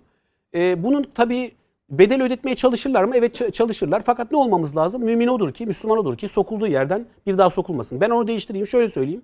E, akıllı insan, zeki insan odur ki sokulduğu yerden bir daha sokulmasın. 15 Temmuz'da sokulmaya çalıştık. İşte ondan sonra nasıl sokulmayacağımızın hesaplarını yapmamız lazım. Neden yapmamız lazım? Ya burada işte sağ görüşlü, sol görüşlü falan değil. Ne platformda buluş, buluşmamız lazım bizim? Sıkı sıkı birbirimizi tutmamız lazım. Vatansever ve milletsever. Milletin tarafında ve vatanın tarafında duran bir platformda birbirimizi sıkı sıkı tutmamız lazım. Neden tutmamız lazım? Çünkü binlerce yıldır yaşadığımız bu coğrafyanın avuçlarımızın içinden kaymasını önlemek için bu sıkı tutmaya ve sarılmaya ihtiyacımız var. Onun için yapmamız lazım. bunu. Peki Biden'dan neden bu kadar medet umuluyor? Çünkü Biden bu açıklamaları yaptığında başkan değildi. Çünkü Biden e, Trump'la e, Sayın Cumhurbaşkanı'nın bir e, şeyi var. İkili ilişkisi var Putin'le olduğu gibi. Ve konuşabiliyorlar. Ama e, Biden 15 Temmuz öncesindeki yaşanan süreçte hatırlarsanız Biden Türkiye'ye geldiğinde iki şey için Türkiye'den özür dilemişti. Hatırlıyor musunuz? Bir DAEŞ suçlamaları için. İkincisi neydi? 15 Temmuz. 15 Temmuz'dan sonra geç gelip e, işte taziyelenip geç bildirdikleri için dilemişti. Bir daha sonraki açıklamalarında gördük Biden'ın e, an- şeyde e, New York'taki e, toplantılarda konuşmaları Türkiye'de yayınlandı biliyorsunuz. E, nasıl ayar vermesi gerektiğini, Türkiye'de e, Sayın Erdoğan'a nasıl davranması gerektiğini açıklamaları var. Yani bunlardan e, feyz alan hatta orada şöyle bir açıklaması var. E, Türkiye'deki muhalefeti e, güçlendirmeliyiz ve onları teşvik etmeliyiz açıklamaları var. Tabii bu söylemler birilerine çok güzel bir şekilde malzeme veriyor. Zaten o malzemeyi demin e, Sayın Komutanımız da söyledi. Bir sayın büyükelçimiz e, oraya mesaj gönderdi. Yani demokrasi getirsin e, Biden hikayesi. Sipariş verdi. E, sipariş verdi. Demokrasi sipariş verdi ama ne- ne- yani verdiği yer doğru mu? İşte yine Atatürk'ün söylediği ki o söylem bir e, kongre sırasında mandacılar için söylenmiştir. Yani manda ve himaye isteyenlere söylenmiş bir sözdür. Hiçbir ülkeye başkasının e, çıkarları doğrultusunda iyi bir şey yapmayacağının söylemidir. Tam net söylemi odur. Ama öyle bir yere geliyoruz. Demin içeride konuşurken e, geçti. Mevzuyu tam oraya getirmek istiyorum. 3 dakikada çok toparlayabilir miyiz? Zaman çok daraldı. çok onu söyleyeceğim. Bundan sonra ne yaşanabilir? Bakın bugün yaşanan süreçlerin hiçbiri rastlantı olmadığını bildiğim için bir sonraki hamleyi ben şimdiden söyleyeyim size. Ona göre hep beraber hazır olalım. 1990'lı yıllarda e, arka arkaya suikast girişimleri yaşandı ve birçok değerli aydın e, katledildi. Hatırlar mısınız? Gazeteci, Gazeteci, e, işte Araştırmacı, e, komutan, aydın, evet. komutan, akademisyen. e, Akademisyen. akademisyen, düşünür. Böyle birbiriyle bağımsız Bahriye Uçoklar'dan Gibi tutun, gözüken. Ablemitoğlu, Uğur Mumcu gibi e, 6-7 tane çok önemli Türkiye'de kanaat önderi diyebileceğimiz ve Türkiye'deki yaşanan süreçleri ister FETÖ olsun, ister Alman vakıfları olsun, ister Türkiye'deki terör olayları olsun fikir olarak söyleyen kişiler katledildi. Ve daha sonra bir müddet nedense hiç bu konular hiç konuşulmadı. Farkında mısınız? Hiç konuşulmadı. Çünkü şöyle bir şey var. Bu tür propaganda yapanlar bu propagandayı bozacak olan hiç kimse istemezler. İstemezler. Bu dönem ve maalesef ve maalesef söylüyorum. Bu kadar kara propagandayı bozacak, bozmak isteyenlerin de hedefe konduğu bir süreçtir. Bu isterseniz itibar suikastı olarak olur. İşte deminden bahsediyor. Sosyal medyada e, başlayan o saldırılar birçok kişiye, e, devletin kurumlarına, devletin itibarına yapılan saldırılar hiçbir rastlantı değil. İtibar. Çünkü devlet bir açıklama yapıyor, şunu söylüyorlar. İnanalım mı, inanmayalım mı? Kim söylemiş? Facebook'ta bir tane doktor söylemiş. Kim söylemiş? Teyzemin amcaoğlu söylemiş WhatsApp grubunda. Onun söylediğine devletin hiç açıklamasına itibar edilmeyecek noktaya getiriyorsunuz. İtibar suikastları. Yalnızca kişi yapılmaz. Devletin birimlerine de yaparsınız. Bravo. Yaptığınız açıklamanın bir anlamı kalmaz. Önemli şahsiyetleri yok edersiniz. WhatsApp grupları zaten muteber açıklamaların merkezi haline gelmiş değil. vaziyette. Karşı gruba gelirsiniz. Karşı tarafın söylemleri üzerine konuşursunuz. Üçüncü aşamada maalesef maalesef suikastlerdir. Susturamadığınız Böyle hala bir risk mi var? Var tabii ki var. Çok uzun zamandan beri e, Türkiye'de bunu isteyen e, bir grupların olduğu biliniyor. Yani e, ve böyle olaylar geçmişte yaşandığı için de devletin bir tecrübesi de var. Ben işte o 1990'larda yaşayan o e, pis muhabbetlerin olduğu, hatırlarsanız şu altın hikayelerin olduğu dönemde de başlayan e, mevzularda da Hablemitoğlu FETÖ olayını söylediğinde bu kitabı yazıyorum ama bu kitaptan sonra öldürüleceğimi biliyorum dediği gibi, kitabı yazarken öyle. söylediği gibi bugün de aynı şey yaşanıyor. Çok ilginçtir. Geçen gün Nedim Şener'le program yapıyoruz. Nedim ilk defa bu e, Yazıcıoğlu suikast girişiminden sonra yazdıklarıyla ilgili ilk defa beraber yaptığımız o memleket aşkı programında şey söyledi. İlk defa saldırıya uğrayacağımı düşünüyorum. Bütün güçleriyle üstüme geleceklerini düşünüyorum. Allah korusun. Aynen bak söylüyorum. Bu yalnızca onda değil. Son dönemde fiili olarak bizim izlediğimiz ve takip ettiğimiz bir grup var. Bunlar çok ciddi geliyorlar. Örnek vereyim. Yalan söyleyenin Türkiye'de hiç utandığı bir ortam yok. Yalan söyleyen yalan söylemeye devam ediyor. Ve hiç kimse onlara hesap sormuyor. Bravo. Hiç kimse dönüp şunu söylemiyor. Sen iki gün önce yalan söylemiştin ve söylediğin yalan çıktı diye kimse kimseye suçlamıyor. Ama bak söylüyorum. O yalan söyleyenler yalan söylemeye devam ediyorlar. Ve yalan söylediklerinin karşısında da doğruyu söyleyenler var. Peki. Doğrunun bu kadar yalnız kaldığı ben bir dönem hiç hatırlamıyorum biliyor musun? Aynen aynen. Korkum da o. Yalanla Doğrunun- ama öyle de bir Doğrunun işte. bak Yalan, ama terör, doğru terör, terör geç zamanda şu anda. şu çıkabilir şunu söyleyebilirsiniz. Ya rahmetli Hablimitoğlu çok doğru söylemiş.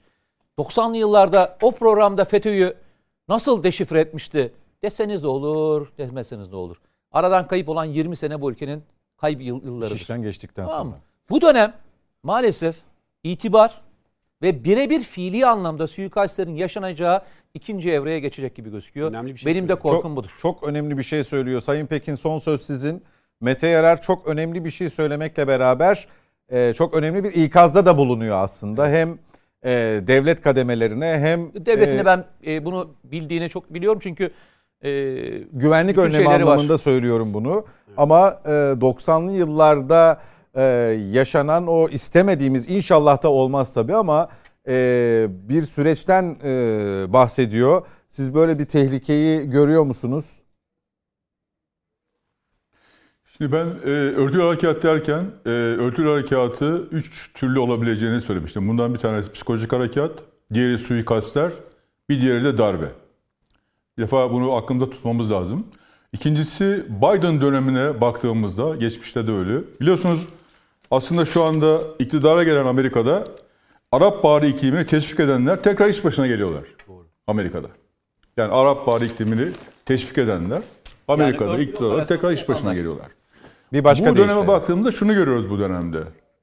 Evet. Şunu görüyoruz. Bir, eee, ne, ne, ne diyebiliriz? Eee, yumuşak gücün kullanılması. Yani ekonomi, diğer konuların, teknoloji bunların kullanılması. İki, eee, şeyin çok fazla kullanılması. eee, diplomasinin çok fazla kullanılması. Üç, suikastler. Bu dönemde bunlar çok fazla kullanılmış. Yani devletlerin birbiriyle çat- çatışması değil. Klasik savaş değil. Ama hibrit savaş, de şeyin vekaletçilerin, e, vekalet unsurlarının kullanılması ve biraz daha evvel söylediğim suikastlar, yumuşak güç, özellikle ekonomi konusu, teknoloji konusu, kim hangi teknoloji olacak, kim neyi kullanacak, işte siber saldırılar dahil olmak üzere e, bunlar bun- bunlar kullanılacak. Yani böyle bir döneme giriyoruz. E, aslında e, bayağı da bir karanlık döneme giriyoruz. Kimsenin tabii moralini bozmak istemiyorum ama e, dünyada şu anda çok büyük bir şey var. E, küresel çatışma, küresel mücadele var. Bu küresel mücadelede kimin e, mücadeleyi kazanacağı konusunda henüz e, ortada bir şey yok. Yani bilemiyoruz da. Evet, Çin önde gibi gözüküyor ama ne olduğunu da bilemiyoruz. Ama Türkiye e, uzun vadeli çıkarlarının ipotek altına girmemesi ve ekonomik yönden zarar görmemesi için mutlaka sabırlı, bölgesel ittifaklara dayalı ve çok kademeli bir strateji veya politika uygulamak durumunda. Eğer e, fakat orta ve kısa ve orta vadeli e, bölgesel çıkarlarımız için Batı'yla da Amerika'yla da işbirliği yapmak durumundayız. Yani şunu söylemek istiyorum. Biz şu anda e, Batı'ya kapımızı kapatalım ya da Doğu'ya kapımızı kapatalım. Böyle bir lüksümüz yok. Uzun vadeli çıkarlarımız gözümüzün önünde ama kısa vadede ve orta vadede kendi çıkarlarımızı korumak için de bölgesel çıkarlarımızı korumak için de mutlaka Batı'yla da işbirliği yapmak, Amerika'da işbirliği yapmak durumundayız. Bu bunun anlamı Amerika'ya biat etme anlamında değil.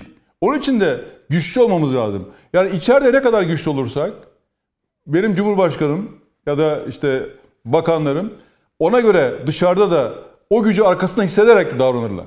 Yani bu sadece silahlı kuvvetler anlamında, ekonomi anlamında değil. Halkın e, seçilmiş cumhurbaşkanını, seçilmiş e, kişileri meclisi destekleme anlamında söylüyorum.